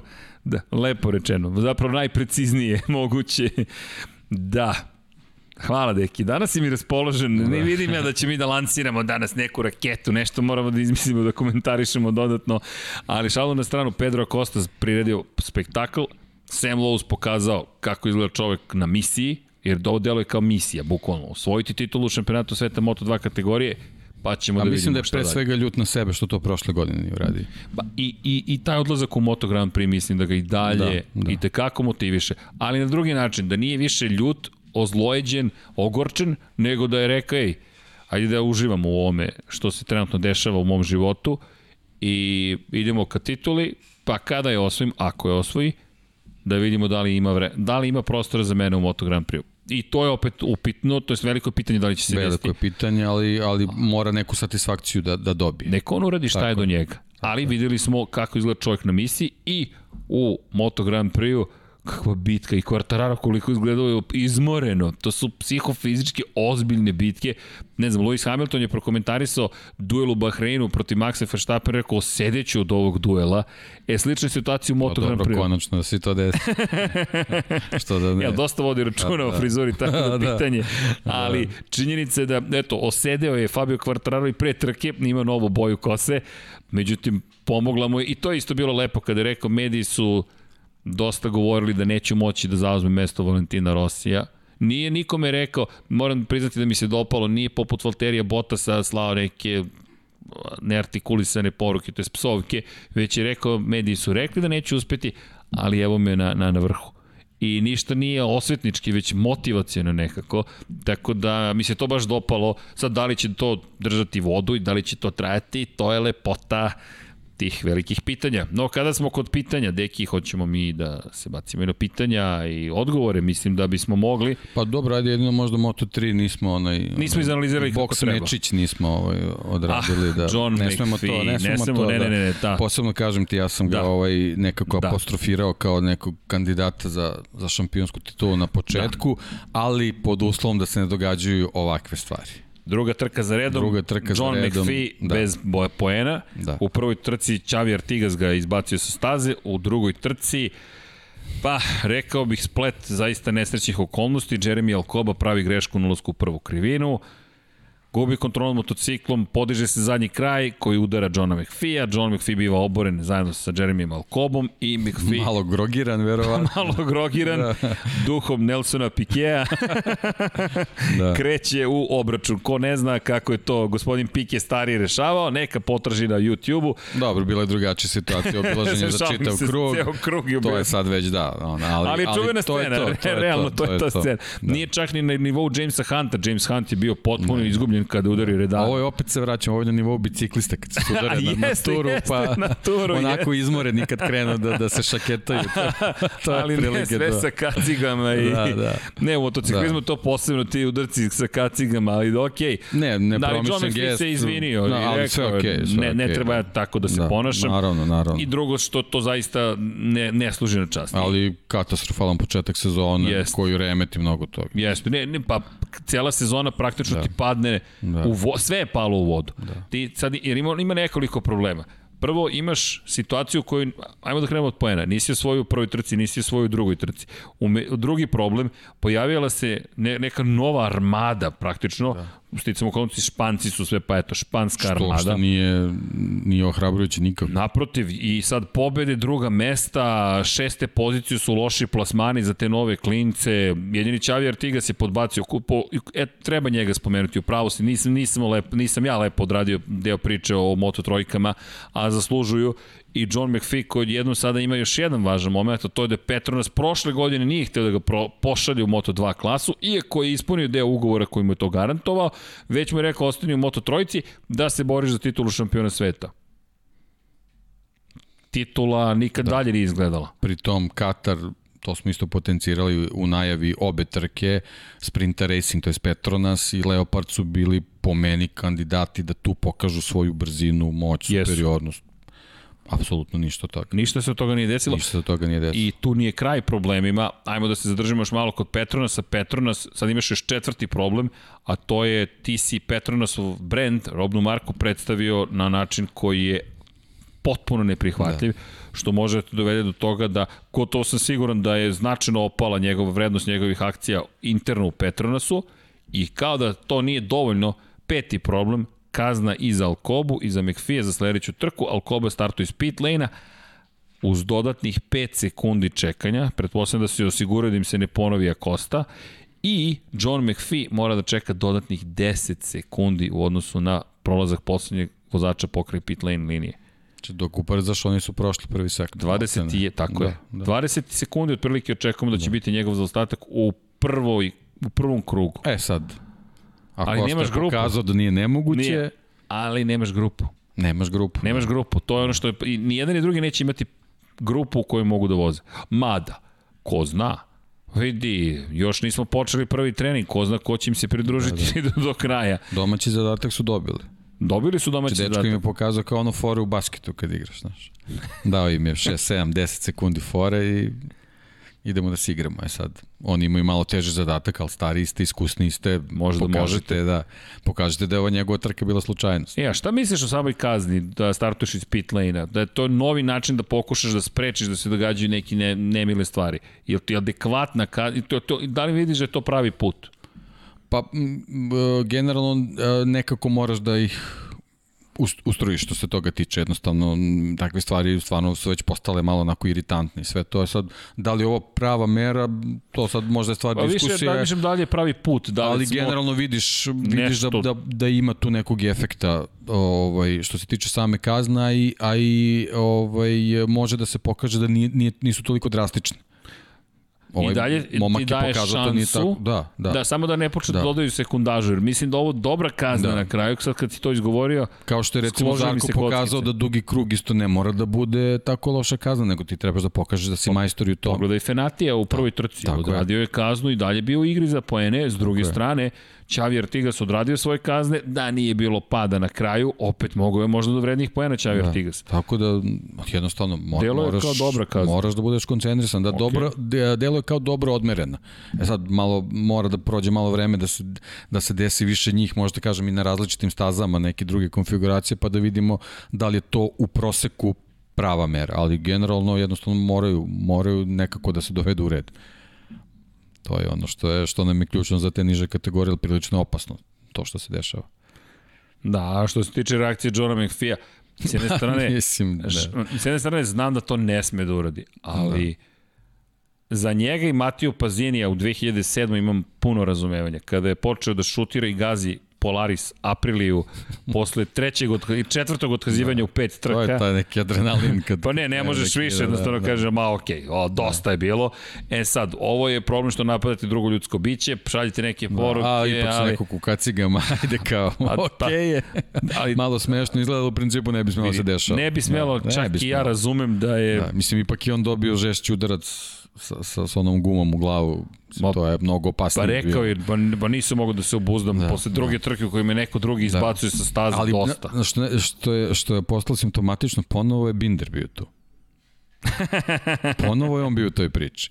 Već je nekoliko puta Ali... se dešava, što bi, što bi već trebalo možda da se analizira, uvek neko naleće na njega na kočenju. Da li se nešto dešava, da li je moguće da svi koji kasno koče nalete na njega? To mi je već postalo malo, malo čudno. To bi već trebalo da se vrati, da se pogleda da čitava situacija. Ovo Dobro. je, čini mi se već treći Domaći put. zadatak smo Već dobili. treći put. Dobro, ništa, da, da. morat ćemo da pogledamo. Da li, da li on nešto ranije koči, da li... Ili da li možda mnogo kasnije koči. Ili možda mnogo, da, da. Možda mnogo kasnije da. koči i onda ranije kreće, doda, i, kreće da dodaje gas. Ne znam, ne znam, ne znam ali već, već je postalo onako baš čudno da je on taj magnet da- oko koga se dešavaju ti problemi. Pa, Pa još plus njegovi lakto i tako, do, dosta tu ima nekih... Ali pozicija 2 u šampionatu pa, sveta, 36 Sve ide na njegovu vodenicu, apsolutno. To što se drugi treće, tuku nema veze, njega mesto. to ne interesuje. Binder je za Da, mene, da, da. ne hvalim ga možda dovoljno, ali Da. molim lepo, dobio je ugovor, prešao je u jednu novu ekipu, novo okruženje i Petronasu daje ono što se očekuje. Da. Plasmane na pobjedničko dodatni postolje. problem McHugh.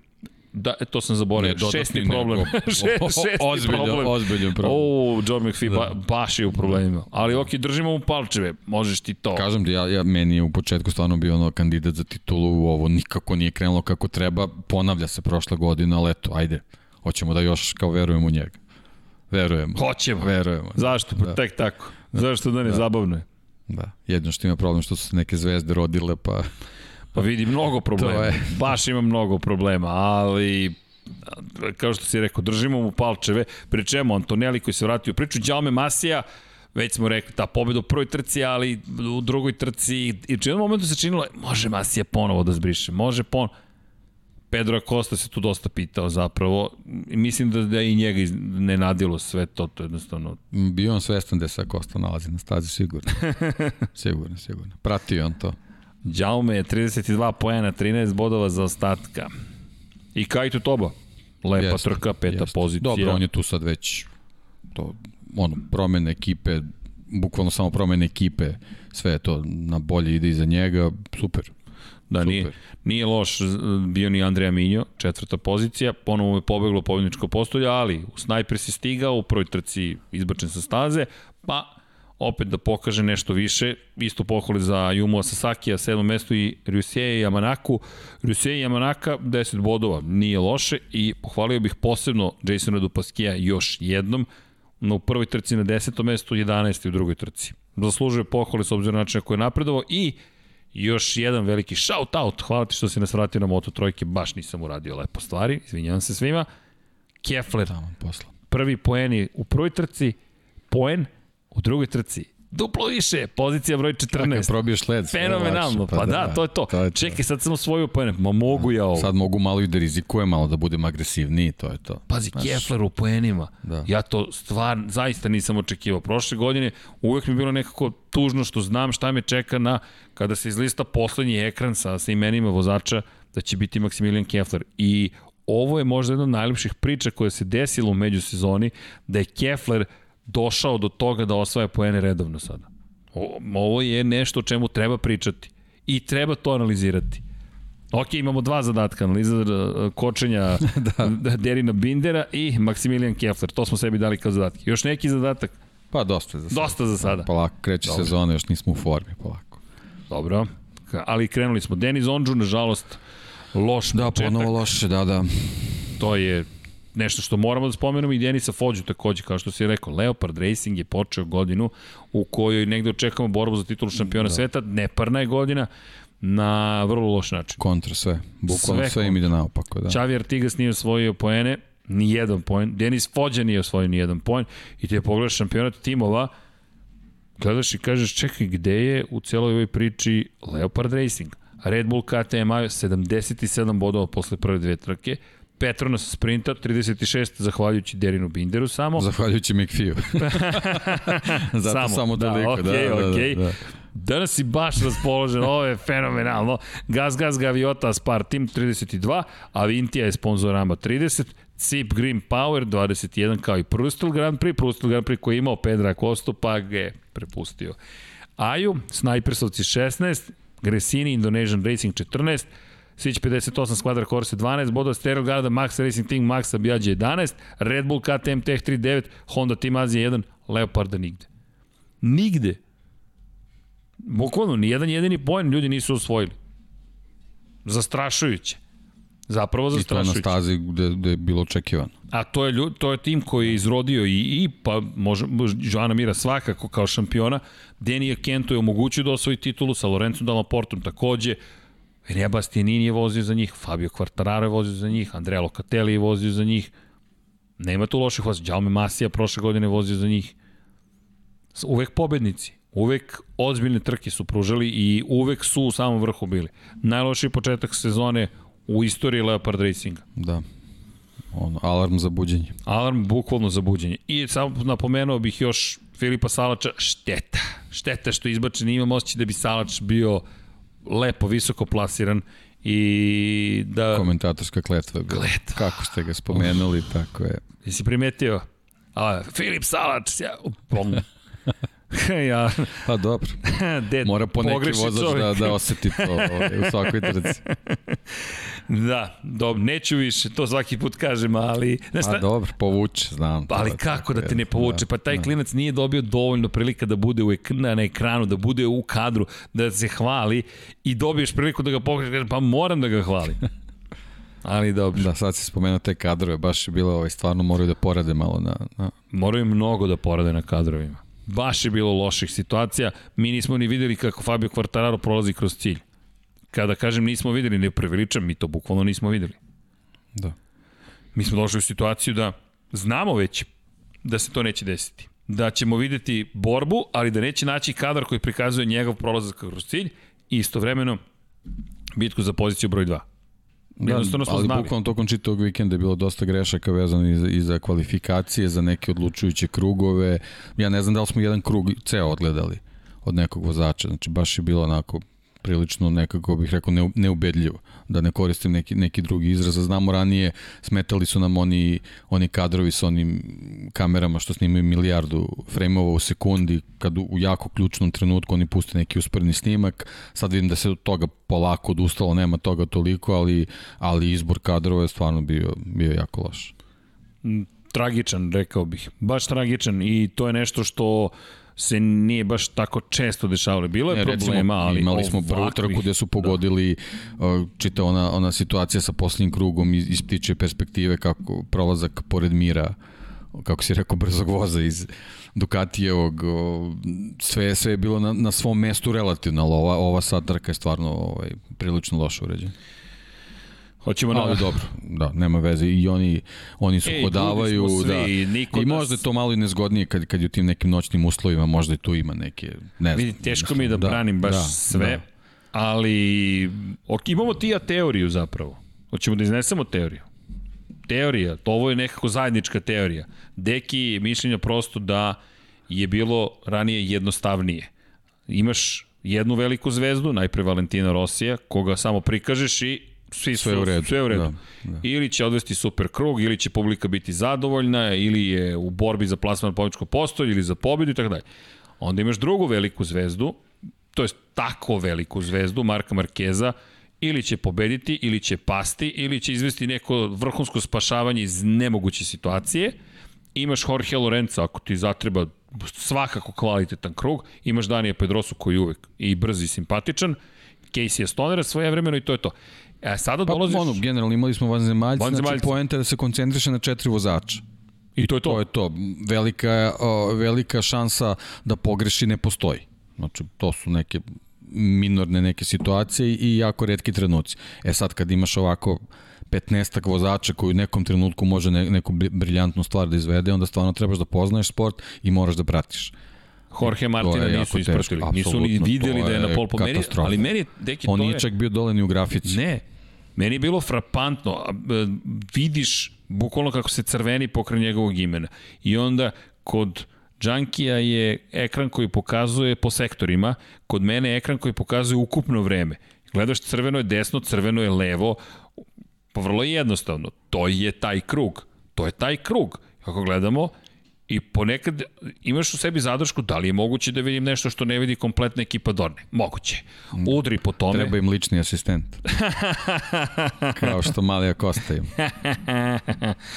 da. Gde, gde je tvoj lični asistent? Ja sam na nekom drugom nivou. Daleko sam ja od toga. E, da, ali, ali je pojenta bilo u tome da smo došli u situaciju da je režiji bio mnogo lakši posao. Dakle, da, da su mogli da Evo vidim koja je Siniša, Siniša, moj Srki, to Rossi više nego služeno stvarac većeg nivoa MotoGP-a. Ne pričamo o tome. A, nije, nije, nije poenta u tome, nego da je reži bilo mnogo lakše u to vreme, čak, čak suprotno onome što, što, što, što vam je zaključak. Poenta jeste bila da je Rossi u to vreme kada ga je režija pratila pobeđivao redovno. imao fenomenalne rezultate, publika bila zadovoljna. Te, normalno, imaš lak posao Ne samo to, imaš početak trke, pratiš neki drugi dok se on zagreje i onda dakle, on kad krenu svoj finiš, prebaciš kadar na njega i to je to. I držiš to i to je to. to, je to. Onda je došla druga grupa, vanzemaljci ti, i opet ti je lako, 1, 2, 3, 4, dodaš povremeno do Vicioza, dodaš povremeno, ne znam, Bena Spiza, dodaš nekoga ko će se umešati u tu celu priču, ali to je to. Sada, ti moraš da osjetiš da će neki tamo klinac iz pramak Ducatija biti u borbi za titulu, ne za titulu, za ko zna to što sam rekao, pa vidjet ćemo, za pol poziciju, ali ti to ne možeš sad, ne da ne možeš, moraš mnogo više da razumeš i da, da znaš moraš da analiziraš. Oni da. bukvalno, bukvalno bi morali da trkački vikend analiziraju da se spreme za te situacije. Mislim, generalno tako se, sad da, da, da ne, ne, ne, ne pričamo o, nekim primjerima, ali ti ja smo spomenuli baš kad smo o tome diskutovali, pričali smo o američkom sportu. Ozbiljne su pripreme, ozbiljna se režija pravi ti da se, da se zabeleži režiju. svaka situacija. Ne, to se takođe vežba. Da. Inače, Dorna kako funkcioniše, mada moram pritati da nisam ulazio kod njih u, u, u ceo taj ceo režiserski, možemo reći, A ne, ne znam da li je odeljak, to, to je sada montažna zgrada manje više. Ima mnogo, imaju podrežije takozvane i imate, tada je bilo devet režisera, podrežisera kad sam, kada sam poslednji put posetio, i imate glavnog režisera. Šta rade podrežiseri? Jedan režiser je zadužen za kadrove sa motora. prati sve motore i bira po njegovom mišljenju, njenom mišljenju, kako god, najbolji kadar u tom trenutku. I glavni režiser gleda tih devet kadrova.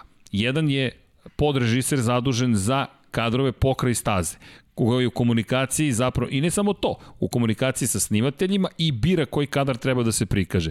Jedan podrežiser je zadužen za pit lane, jedan podrežiser je zadužen za helikopter, jedan podrežiser je sad i tako u krug. Da, bukvalno segmenti postoje i jedan čovjek prati određeni segment, I, jasno. Tako je. I sad, tih devet segmenata, glavni režiser slaže, sklapa u jednu priču. To je montaža, to je, to je realizacija, režija, montaža uživo. To je ono što Vanje sad, na primjer, radi, ili Dom Pablo, ili kogod da realizuje. Prebacivanje kadrova je jedna stvar, druga stvar je priprema grafika, snimaka, fotografije i tako dalje, koje ćeš ubaciti u određenom trenutku. I sad, da inače jedan je zadužen za, za, za grafike. Tako da ima mnogo toga što se događa, ali glavni režiser od tih devet sklapa nama neku priču. I sad, ako njegov podrežiser koji je zadužen za rezultate podbaci i ne vidi da je Martin važan ili ga poceni kaže ma ne, to je prvi drugi sektor, to nema veze sa životom, tu nastaju problemi.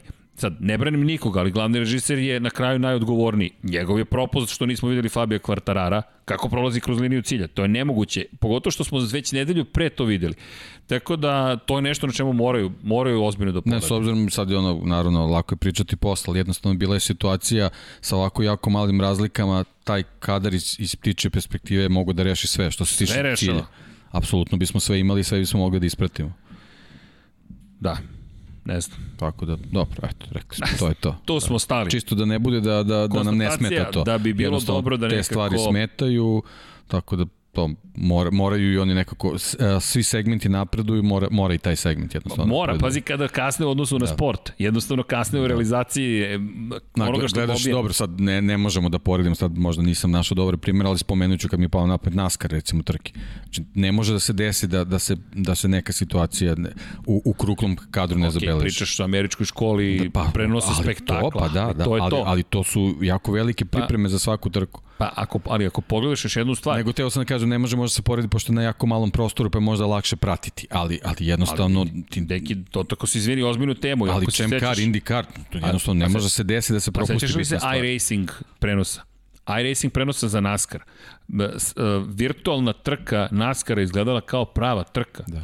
U jednom momentu je kada je se desila smena zapravo na sport klubu, realizatori koji su došli da nastave realizaciju su se pitali koja je trka u pitanju. Misli su da je... Da, mislili su da je trka, zato što su promene kadrova, čak i pauza, jer šta se dešava kada puštaju reklame u Sjedinim američkim državama? Mi dobijemo takozvani raw, sirovi feed, gde se prikazuje samo jedna statična kamera. Čak i to je bilo autentično. Ali znaš šta je to dobro? To je ko simulator letenja. To bi trebali u Moto Grand Prix da uvedu režiserima. Jednu takvu virtualnu trku da, da izvežbaju kadrove. Dobro, dobro. dobro. Kao simulator, da. Korak da. po korak. Ok, mislim da smo pokrili dosta toga. Prođe dva sata, da Pa da.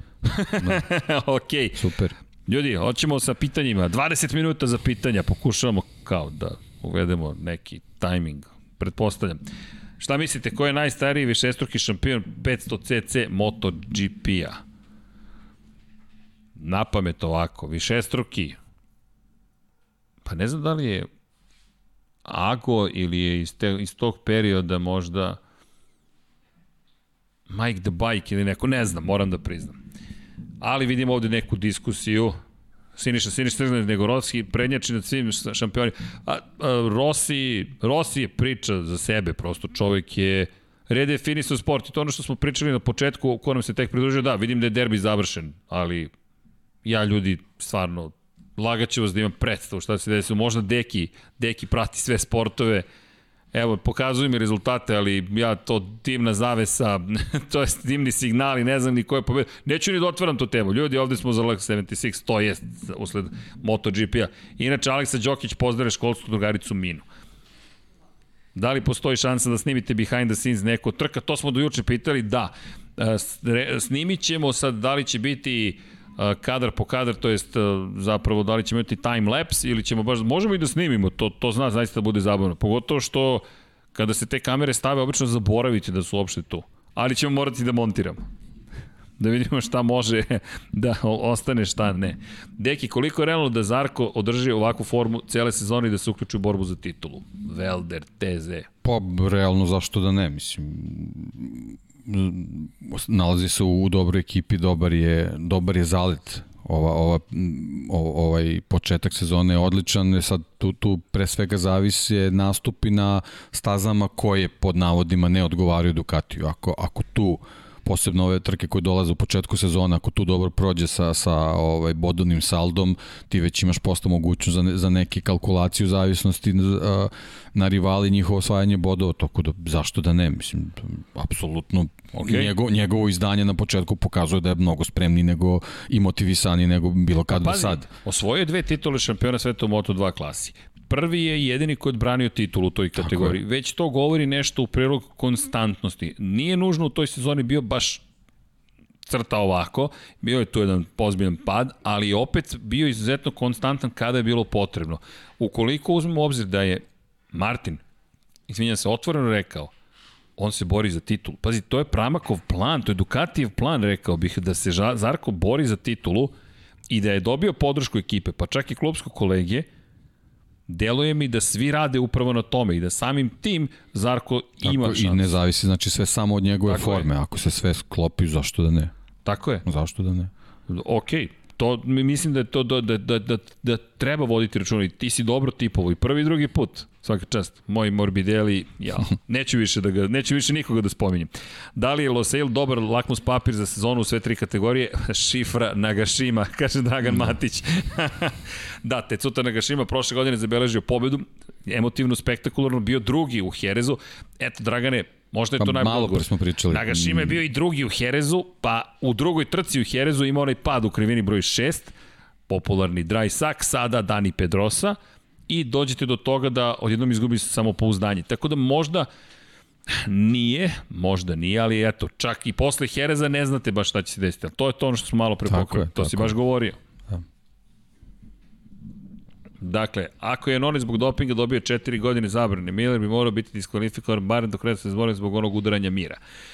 Pa, svakako bi morao da dobije neku vrstu upozorenja. Kazne, nešto bi moralo da se desi da prosto ne prođe to kao da smo zažmurili. Ima još jedan problem, Đalme Masija prošle godine je takođe koristio pesnicu tokom trke Moto3 klase, pa je to potpuno prošlo nezapaženo. Jedini put kada se Ujdurma napravila je bilo sa Romanom Fenatim. Zasluženo. Dobro, ono je baš bilo... Ne, on je baš prešao je. sve granice, ali da.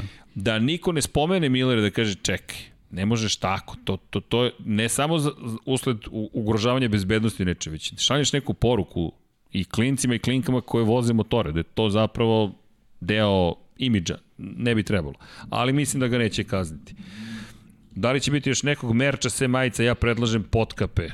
MS, to je prvi predlog za potkape, ali biće, biće kačketi, biće šolje. Mada imamo nešto novo što spremamo, ali to neću da vam kažem, to sprema kreativna ekipa. Nalepnica će svakako takođe biti, tako da hvala za pitanje, a i za podršku. Srki pita Mourinho da li je to majica u znak podrške Jetsima ostadoše bez Darnolda. Može, može. Sam Darnold ode u Karolinu. Ali dobro. Želim mu svu sreću, napustio je Jetce ili smo mi napustili njega, kako god, no činjenica za onih koji ne prate NFL preporučujem topol 99 yardi svakoga petka, tako da, inače 99. dan u godini sad ovoga petka, ne znam da li si to deki znao. Da, to je Jimmy Sunday ispratio, tako da sve u brojevima, evo tu je 99 yardi, Tako da, da, može podrška Jetsima, ali Darnold nije toliko loš koliko nije imao baš nikakvu podršku. MotoGP jeste ekstremno zanimljiv, ali F1 je tehnički najnapredniji motorsport, Marko Vračar. Pa, Formula 1 je drugačiji, drugačija disciplina. Ne, ne, gotovo je nemoguće porediti ih. Moto Grand Prix uz sa, sav tehnološki, tehničko-tehnološki napredak na kraju vrlo malo ćemo pažnje posvetiti tome koliko direktnim duelima. I onda Moto Grand Prix donosi jednu drugu vrstu zabave, veselja, radosti, a Formula je neku drugu. Zlatno doba to, gde imamo uh, vožnje, nemamo, ali možda eto dobijamo na jednu sezonu u kojoj će toga biti u Formuli 1. Još pride uz drugačije priče, drugačije ličnosti, mnogo više para. Čekamo novu eru, stvari, pa ćemo Tako tu onda je. moći možda neke paralele da izvučemo. Ali opet teško ih je zaista porediti. I prvi put da vidimo veće zbližavanje zapravo između Formula 1 i Moto Grand Prix u poslednje vreme, gde vidimo da dosta ljudi u Moto Grand Prix traži tu vrstu adrenalina, ali isto tako da Formula 1 dalje privlači tu vrstu pažnje koju uvijek privlačila. Da li gume, da li strategija, da li priče iza kulisa, da li tehnologija, da li prosto glamur koji sa sobom nosi, ali u svakom slučaju drugačiji su. Ko ima veći potencijal za ovu sezonu, Zarko ili Martin?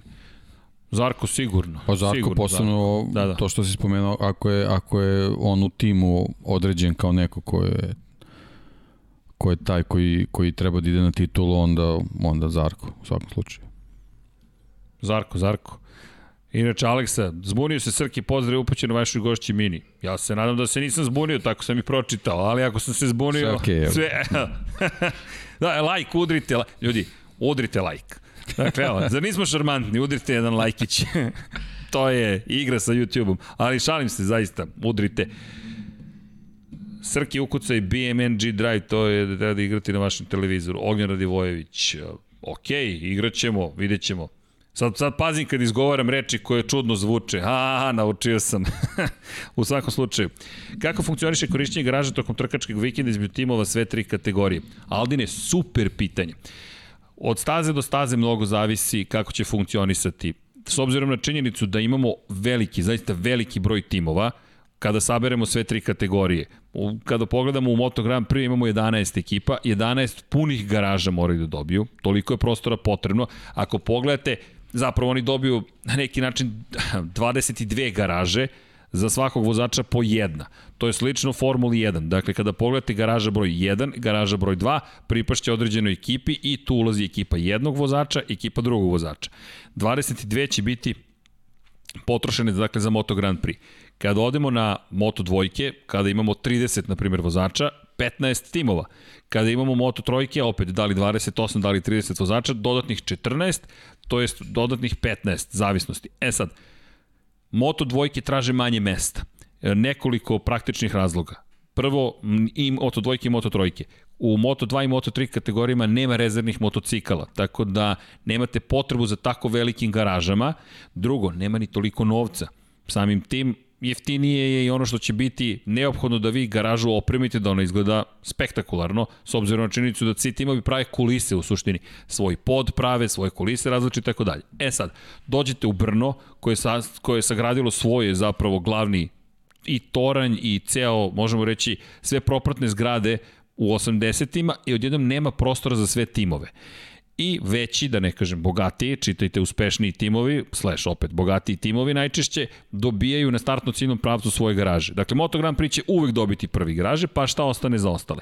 Poređaju se ostali timovi i onda šatore razvijaju tamo negde iza kulisa, koji bi u Brnu znao čemu govorim, Bukvalno se podižu šatori, kao i na klubskim kup takmičenjima, gde se zapravo obavljaju popravke motora, gde vozači sede, analiziraju podaci i tako dalje i tako dalje. Manje spektakularno, manje glamurozno, ali bukvalno tako funkcioniše. Slično vam je u Motegiju i imali smo jednu specifičnu situaciju, zapravo Silverstone kada je pravio novi startno ciljni pravac, dakle kada je pravio tog čuveno Silverstone, krilo Silverstona, nije predvideo dovoljno garaža za svetsko prvenstvo u motociklizmu. Pa smo došli u situaciju da je krilo moglo da koristi samo Moto Grand Prix kategorija, a na drugom kraju staze su sedeli vozači Moto2 i Moto3 klase. Toliko je zapravo bilo neprijatno svima i neprirodno i toliko je delovalo da je odjednom da su Moto2 i Moto3 kategorije pocenjene, spuštene na neki nivo kojim de facto ne pripada, da su rešili da koriste stari startno ciljni pravac gde svi mogu da stanu na jedno mesto. I to vam jeste lepota Moto Grand Prix. Casey Stoner je tu bio najglasniji čovek koji se žalio na te situacije. Zašto? U vremenu kada se Casey Stoner pojavio 2003. 2002. 2003. u šampionatu sveta, imali ste mogućnost da lakše komunicirate sa vozačima kraljevske kategorije, predstavnicima 250 kubika, da se mešate jedni s drugima, kao vozači pre svega, i komunicirate. Vremenom uz dolazak sponzora, korporativnosti, više medija, više gledalaca, Moto Grand Prix se izdvojio. Čak u jednom trenutku je Moto Grand Prix padok Moto Grand Prix bio posebno izdvojen u odnosu na Moto dvojke i Moto trojke. Pa ste imali dva ulaza. Jedan je ulaz u padok, a poseban ulaz za Moto Grand Prix. S jedne strane je to i za jedne i za druge, ali kada biste napustili zonu gde je Moto Grand Prix, izlazili biste iz Moto Grand Prix padoka i bili samo u padoku. Stoner se tu baš bunio jer je smatrao da je to loše za razvoj budućih šampiona. I slažem se s njime i to su obrisali, uglavnom su zajedno, eto, Nadam se da sam odgovorio. Ali to je super pitanje, jer televizija tako vam predstavi da izgleda kao da su iz, ovako izvadili garažu i uveli nego, bacili nekog drugog. Vodite računa o brojevima iznad garaža, tu možete da vidite gde se nalazi, ili na zidovima gde stoje vatrogasni redari, tu vam stoji broj garaže. Ljudi, to je vrlo jasno označeno. Garaža 1, 2, 3, 4, 5, 6, 7, 8, 9 i tako dalje. Inače, ovaj čovjek i mene naučio kako da uzmem sto u pres centru.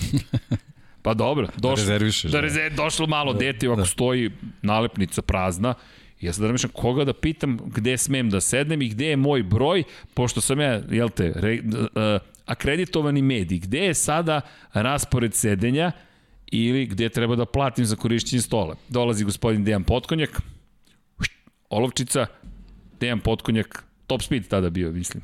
Ne moguće, da. Moguće. Da, auto build. Auto build. Auto build. Da, da, da. Ja ga gledam i rekao, šta, šta to radiš? Pa rezervišem 100. Rekao, stvarno, to je sve što treba da uradim, a ja dva dana trčim po praznim stolovima, ne znam što Wild treba da West. pa ne, tako je jednostavno. Tu su ko pozicije, dođe, ko dođe prvi first come, bira first mesta, ali, ali nije obavezno da ti koji dođu prvi zaberu prve redove ljudima za različite ovaj, aktivnosti, potrebe, određene pozicije odgovaraju, tako da. To Ali... je posebno ranije bilo dok su bili faksevi još i to. Da. Što si bliže, bliže priključku, to je bolje. da, da, ali... se, ono, četvrtak ujutro, idealno vreme da se posjeti pres To sam htio da ti kažem, naučilo se, ne, da, da, dođeš, ali, ali je super, svoj... mislim, stvarno su sve kolege su ono, kolegijalne. Sve su kolegijalne. Apsolutno se poštuje pozicija, tako da nema. Ja jedno I sam bukvalno imao... se ostavljaju sve stvari, vidi da si sve dok si bio. Znači, apsolutno sve možeš da ostaviš, da. nema nikakvih e, problema. Sada je, da, nastao je problem prošle godine u Španiji. Da jednom Kormaku, Kormak GP, ispratite ga, sjajan foto, fotograf, fotoreporter, su ukrali celu opremu. Pa dobro, sad je već, mislim da, da ne zvučim nekorektno, ali mnogo se pojavilo društvenih mreža, raznoraznih ljudi kojima možda tu i nije mesto, a na neki način dođu do tih akreditacija i onda ranije to jednostavno nije bio slučaj. Ne, ima tu još jedan poseban problem. Barcelona kao staza, je ozloglašena. Na, na parkingu u Barceloni su kolegama iz Formula 1 obili automobile.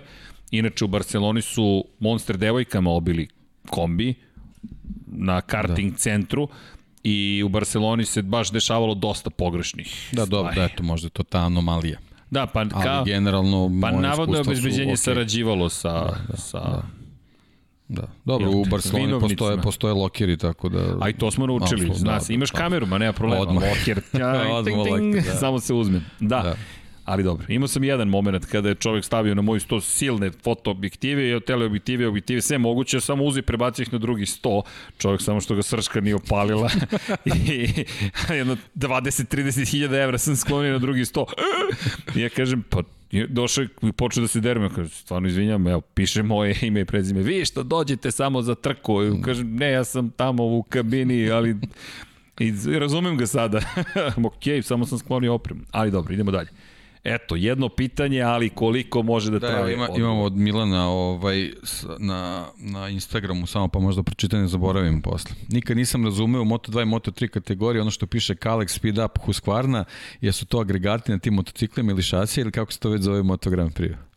Evo ti pa ukratko, samo ako Pa, Ako možeš to. Uh, ajmo, hajde ovako, Moto 2, Moto 3, promenjen naziv, to su nekada bile, ne kažem da su sada, samo da se vratimo u neku eru dvotaktaša, oni malo stariji znaju o čemu pričam, do 2001. godine su korišćeni, inače, e da dobio sam, evo da, da malo proširim sam odgovor, uh, ne sećam se dama koja mi je pisala na Instagramu, pitala me do kada je bilo zabranjeno zapravo da se koriste četvorotakni motori nikada u istoriji sporta nije bilo zabranjeno da se koriste četvorotaktni motori. Imate nekoliko era u istoriji Moto Grand Prix kategorije gde su četvorotaktni imali prednost tehničko-tehnološki u odnosu na dvotakne i tek od 2001. druge godine su svi prešli na četvorotakne, ali u pravilniku i dalje piše da vi imate pravo da proizvodite dvotakne motore. Tako da tu nema zabrane, samo nema mnogo smisla, nećete biti konkurentni. E sad, 80, početkom 70-ih, krajem 60-ih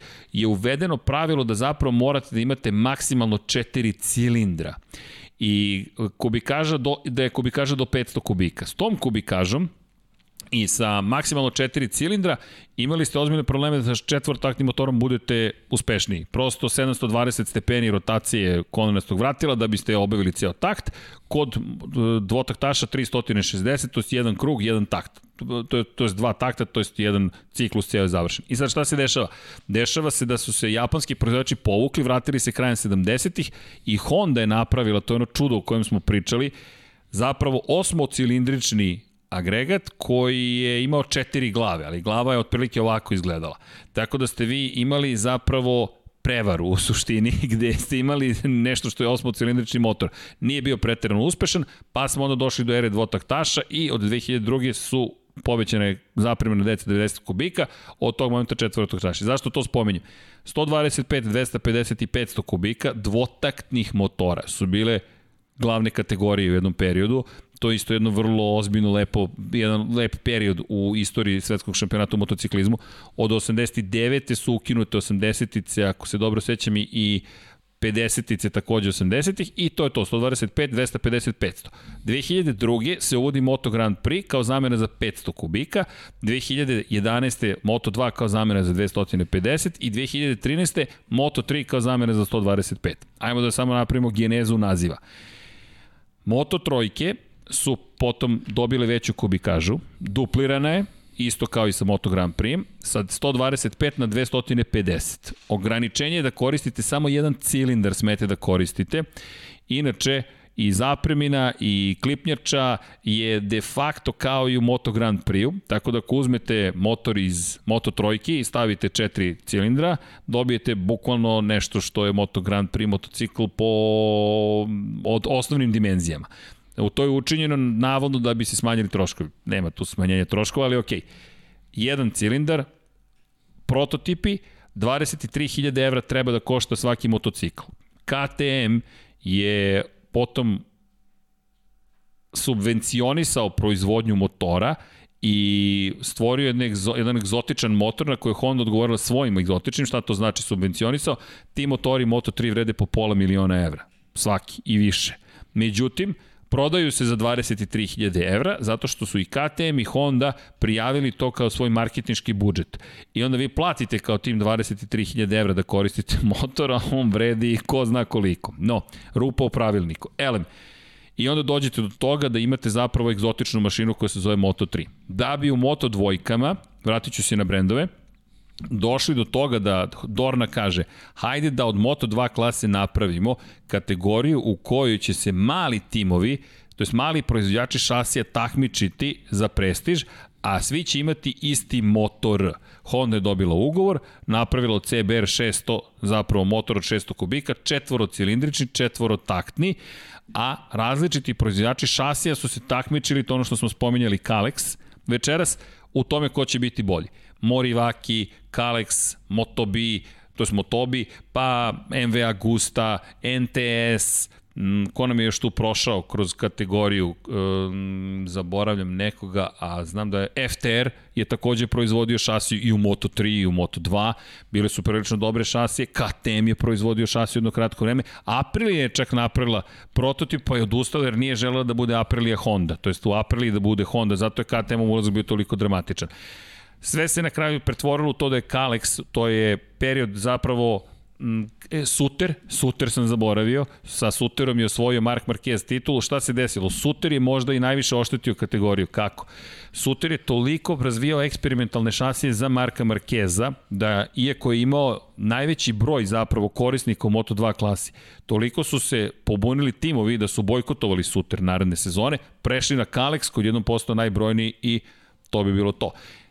Honda je prestala posle 9 godina, na 3 godine se obnavlja ugovor da proizvodi motore, Triumph je dobio svoj ugovor i došli smo do toga da imamo motore od 765 kubika, htjela je sad egzotičnu baš klasu, trocilindrične, Triumph to odgovara iz perspektive promocije svojih motora, od 675 pretvorili su se u motore od 765 i to ne samo Daytona, već generalno novi modeli, trocilindra, što je promocija za s jedne strane Triumf, s druge strane Kalex i ostali dalje se takmičali, Kalex ih je uglavnom sve pobedio, Speed Up je preživeo, Bosko Skuro, kako se sad zove, MV Agusta NTS.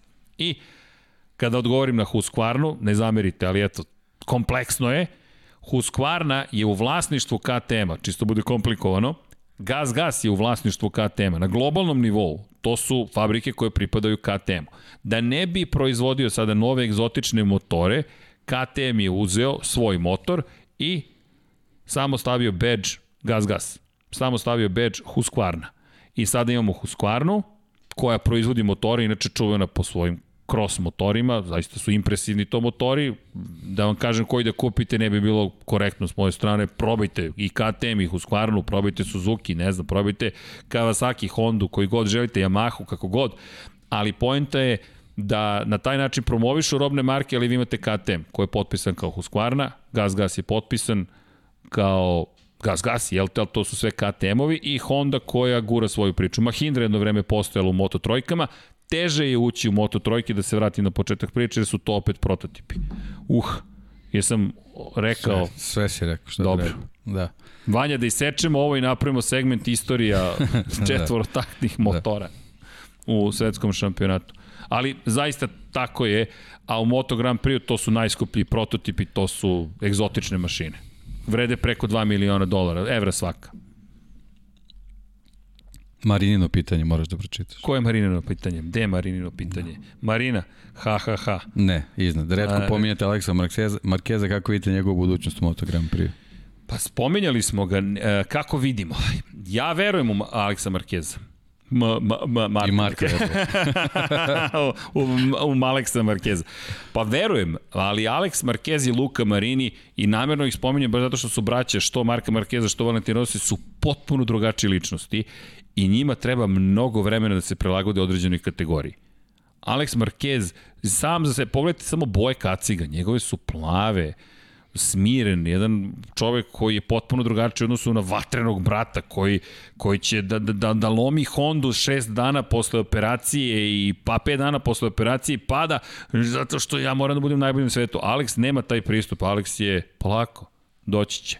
Luka Marini isto, polako, doći će, ovladaću stvarima školski jedan pojem. Tako da od Aleksa ja očekujem dosta, ali iskreno, sudeći po njegovoj Moto2 kate, oprostite, karijeri, ne pre neke treće, četvrte godine, pogotovo posle ovih. Ne kažem da ove godine opet neće imati dobre rezultate. Imaće ih tu i tamo, ali to nije dovoljno da bi bio to što jeste. Potreban je kontinuitet. Ali ne vidim titulu. Da. Titulu ne vidim, jer ni titulu u Moto2 kategorije nije osvojio na, na neki impresivan način, da kažemo da je izdominirao. Imao je period dominacije, ali onda imao ogroman pad u formi. Za razliku od brata koji ovako, ravna crta. Prvi, drugi, prvi, drugi, prvi, drugi, prvi, drugi, prvi, drugi. Tako otprilike izgleda. Da, evo, Filip pita, kaže, nismo mnogo spominjali ovaj, mišljenje o Vinjalesu. Mišljenje Pobeda o pa peto mesto, da. Da li je to znak nečega ili, ili je bilo taktike? Pa ja mislim da je samo da da ono što smo i rekli, da je prosto ovoga puta potez za pobedu pripao Fabio Quartararo. Da je Vinjales uspio da se odbrani od Quartarara i u pravom momentu krene u napad, mislim da bi bila njegova pobeda. To, to je su sad priča i sa. Rinsom, da, to je to. To je da, to, imaš jednu šansu. Vinjales je uspeo svoju prvu da iskoristi, drugu nije, I to je Rins to. nije ni jednu ni drugu, tako da to je ovaj, takve, takve su trke u Kataru bile, ili pukovnik ili pokojnik. Tako je. To je to. Za sve. Da. Zlatko podsjeća, Morivaki, Toni je bio prvi šampion, tako je, ne, pogrešio sam 2011, 2000, da, 10.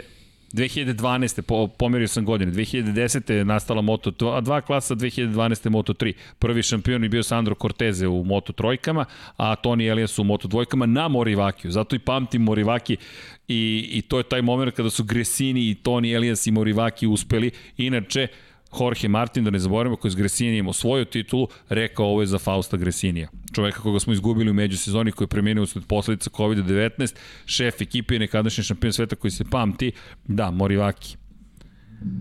A Otobi je takođe, da, proizvodio, ali mislim da je Alex De Angelis jedini doneo uspehe. Ne... Zarko je čak koristio Motobi.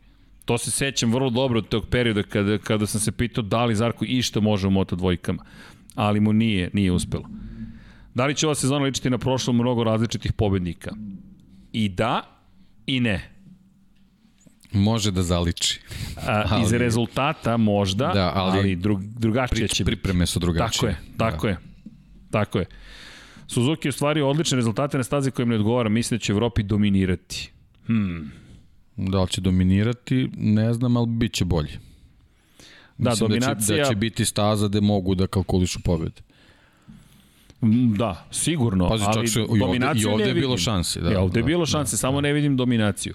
Mislim da ni, ni, ni Mir, ni, ni Rins ne mogu da dominiraju. Niti da im je Nisu to stil nužno. stilovi takvi, da. Da, da, da, da, je to jednostavno, da će biti prosto... Nije destroy stil. Nije destroy stil, ne, ne, ne. Destroy, pa ja mislim da će da će to Mark Marquez da pokuša. Sad, da li će uspeti, to ćemo vidjeti. A to zavisi od fizičke pripreme, jednostavno. Od, od, od, od forme. Da, to, to, bukvalno zavisi od forme.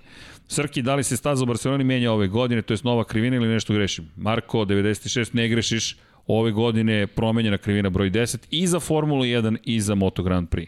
Tako da će biti zanimljivo videti je više Sad više odgovore Yamahi.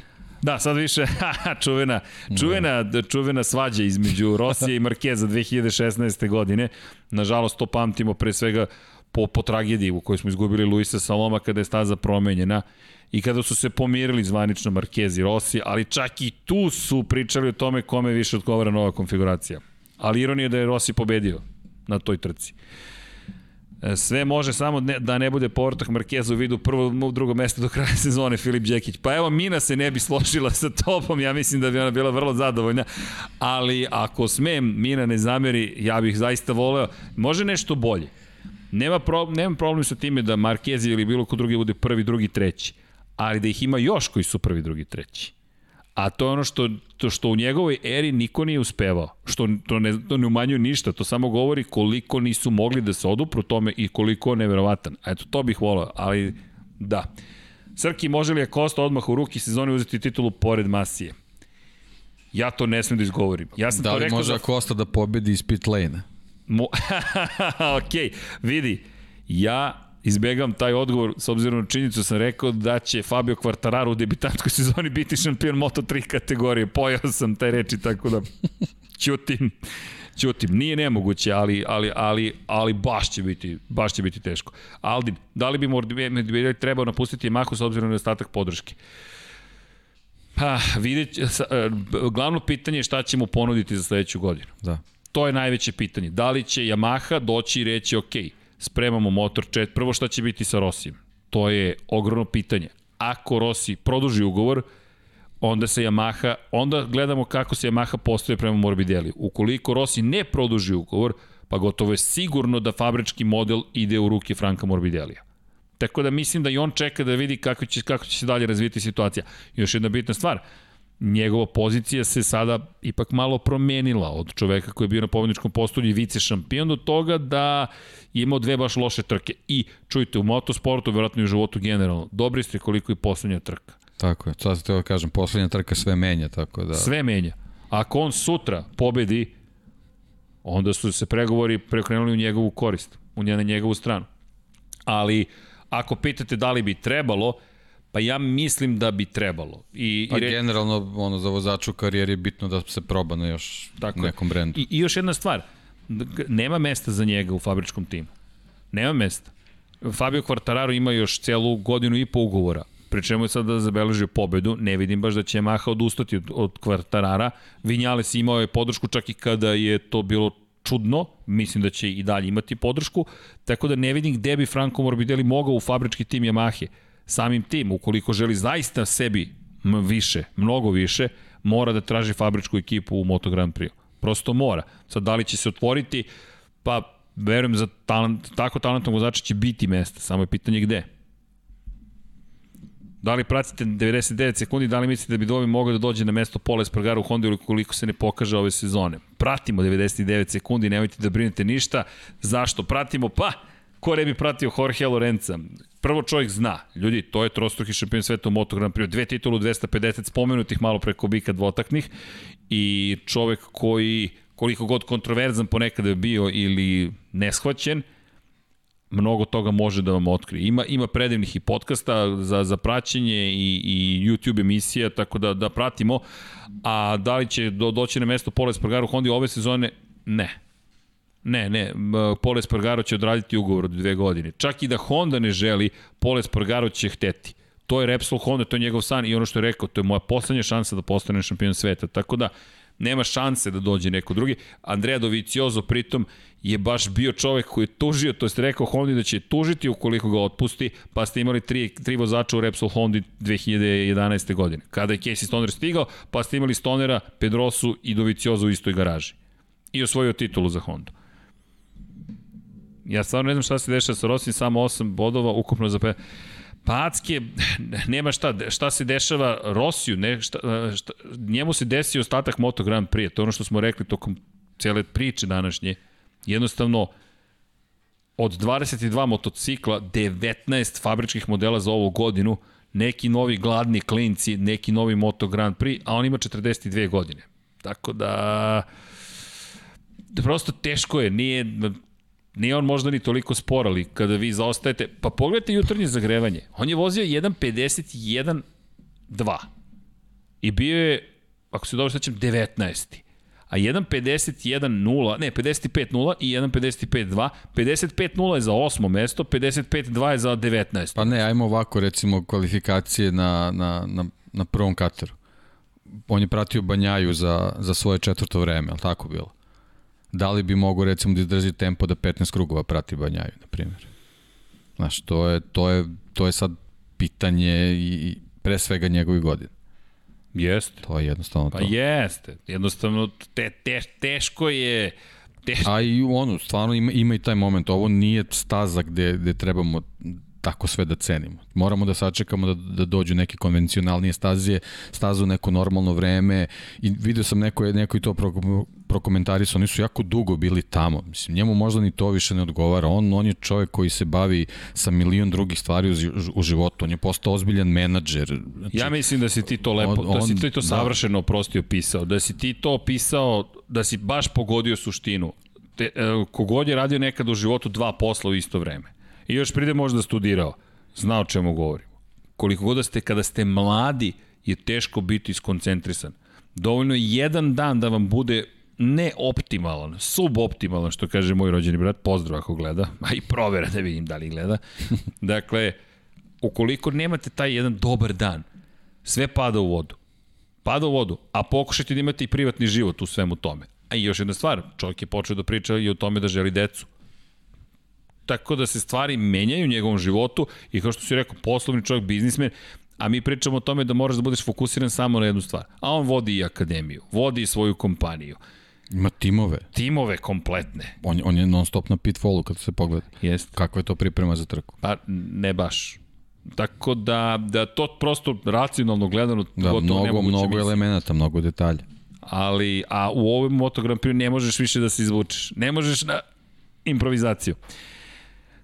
Bilo je pitanje šta kažete na Tobina guranje masi dva puta zrena na travu na startno ciljnom pravcu. Moram priznati da nisam video sa tobom baš jeste bilo sve, pogledat ćemo, pogledat ću ponovo, it's rektor, da vidjet ćemo. I pre, pitanje da li da može Acosta direktno u MotoGP, pa Miller je otišao direktno iz Moto3 u MotoGP, jeste, ali uglavnom mi sada to ne rade više, pogotovo ne sada, koliko god da je talentovan, e, Moto2 je savršena priprema za Moto Grand Prix, Zašto? Način rada sa inženjerom, podešavanja motora, dosta su teži, jači, drugačiji, e, delo je da im je potrebno. Miller je došao u nekom drugom periodu, to su CRT mašine još uvek bile, niste mnogo ni očekivali kada stignu u Moto Grand Prix. Sada stavite Akostu na dve godine star Ducati vi očekujete među prvih deset da bude. Možda on i može, to ne kažem da ne može, ali mislim da će biti uh, KTM malo ipak rezervisaniji. Pri tom Moto dvojke nisu uopšte za potisanjivanje. Ne, ne, ne, ne. Evo, nešto smo se dopisivali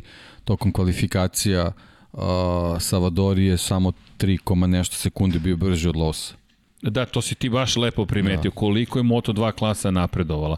I to je A super poređenje. Pred, recimo 2019. pošto prošle godine nismo imali trku u Katu, razlika je bila najsporiji Moto Grand Prix i najbrži Moto2, 10 sekundi je bila razlika. Pa evo da bacimo pogled, 2019. godina, Mislim da je tako odemo nešto u Katar, bilo, da. Moto dvojke kvalifikacije, 1.58.585 Marcel Schrotter, 1.58.585 u Moto Grand Prix-u, u Q1 1.56.036 Bradley Smith, ali to je najlošiji.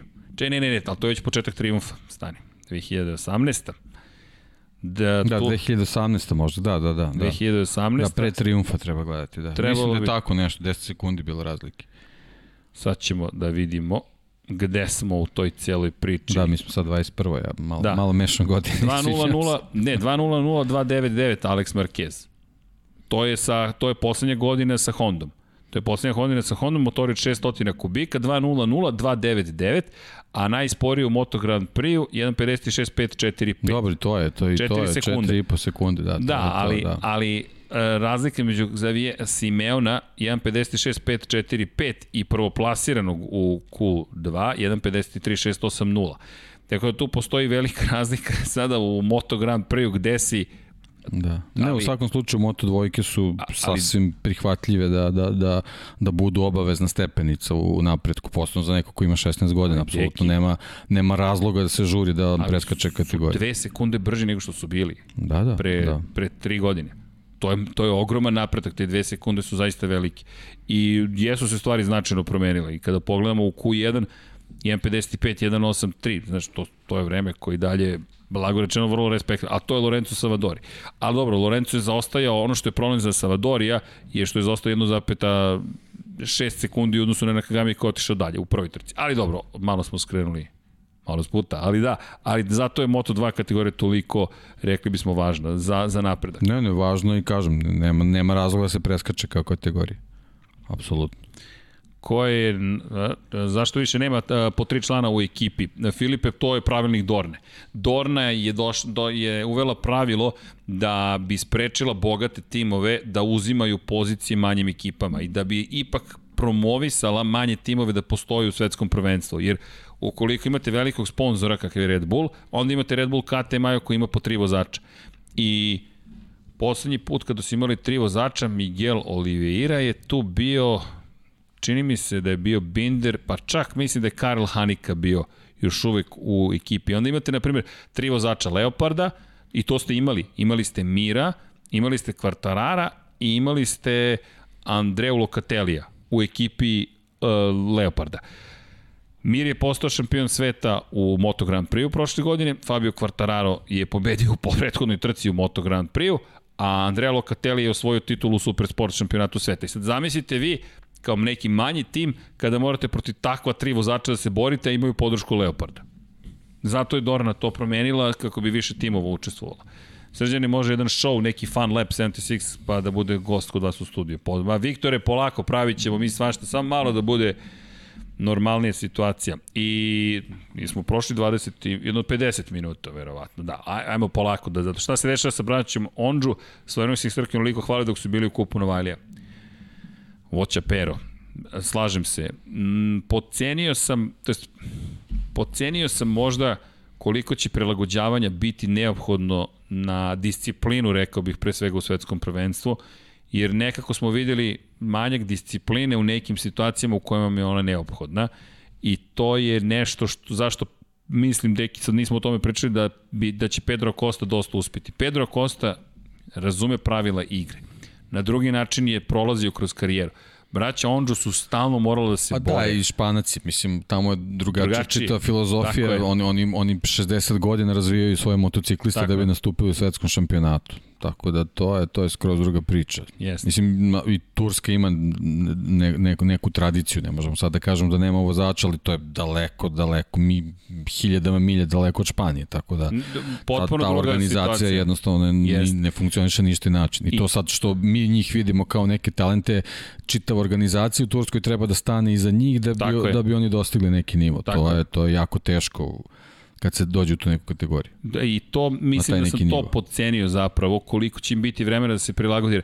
Meni je simptomatično bilo i znao sam da će biti problema za, za njih dvojicu na ostrovu Filip 2019. 2019. 2018. je Džan pobedio na poslednjoj trci sezone po kiši, postao najmlađi pobednik ikada. 2019. kada su odbili da poslušaju naređenje ekipe i dogovor sa ekipom prekršiš dogovor sa ekipom, ti ne možeš da budeš na tom nivou, gde služi na čas braći Onđu što veruju toliko u sebe i što možda oni znaju instinktivno šta bi bilo bolje. To je ono čuveno i u Formuli 1. dobije poruku šampion kakav je Lewis Hamilton ili šampion kakav je Sebastian Vettel, moraš da ideš na promenu guma, jeste sigurni. On ne osporava ekipu, ali joj skreće pažnju da se ne, ne slaže nužno sa time. To su šampioni sveta koji kažu jeste sigurni. A vi ste braća koja su tek stigla u šampionat sveta i kažete ekipi, ej, to ćemo mi da rešimo. Ne može. Čak i da ste u pravu, ne može. Vi obarate neki sistem i to je taj moment koji mislim da ih sprečava da budu još uspešniji. Sirovi talent, brzina, apsolutno postoje. To smo videli i prošle godine sa Denizom. Videli smo s Džanom, pa ne pobeđujete se, ne pobeđujete se u svetskom prvenstvu tek tako. Ali taj moment kako da postaneš profesionalac koji ceo dan je posvećen samo i isključivo tome i razume da se ekipom mora da bude strpljiv, to je, to je, to je nešto što mislim da je malo teže. Lorenzo, dobro, a ako može Lorenzo, možete vi prognozirati poredak u Portimao. To vam je za sledeću nedelju da, poziv da, ne, za Lab 86 Nećemo da jurimo, da idemo korak, idemo korak po korak. Mislite li da Rossi može do 100 poena do kraja? Može. Može, bit će tu nekih trka gde će se desiti stvari. Ne bih ja njega baš potpuno... Ma da, ma nije ovo merilo, ne, ne, ne, mislim, nego jednostavno Polako. ovo samo pokazuje neke stvari, ali apsolutno nije, nije kompletno merilo šta on može ove sezone. Ako je mogo prošle, ne može toliko sad se promeni za par meseci. Da, evo i konstatacije za za Akostu, na primjer, da za razliku od, za razliku od toga da u Moto, u Moto3 kategoriji možeš da kreneš iz pit lane i pobediš, to nije moguće u Moto Grand Prix kategoriji. Moram da vas razočaram. Ili da vas obradujem.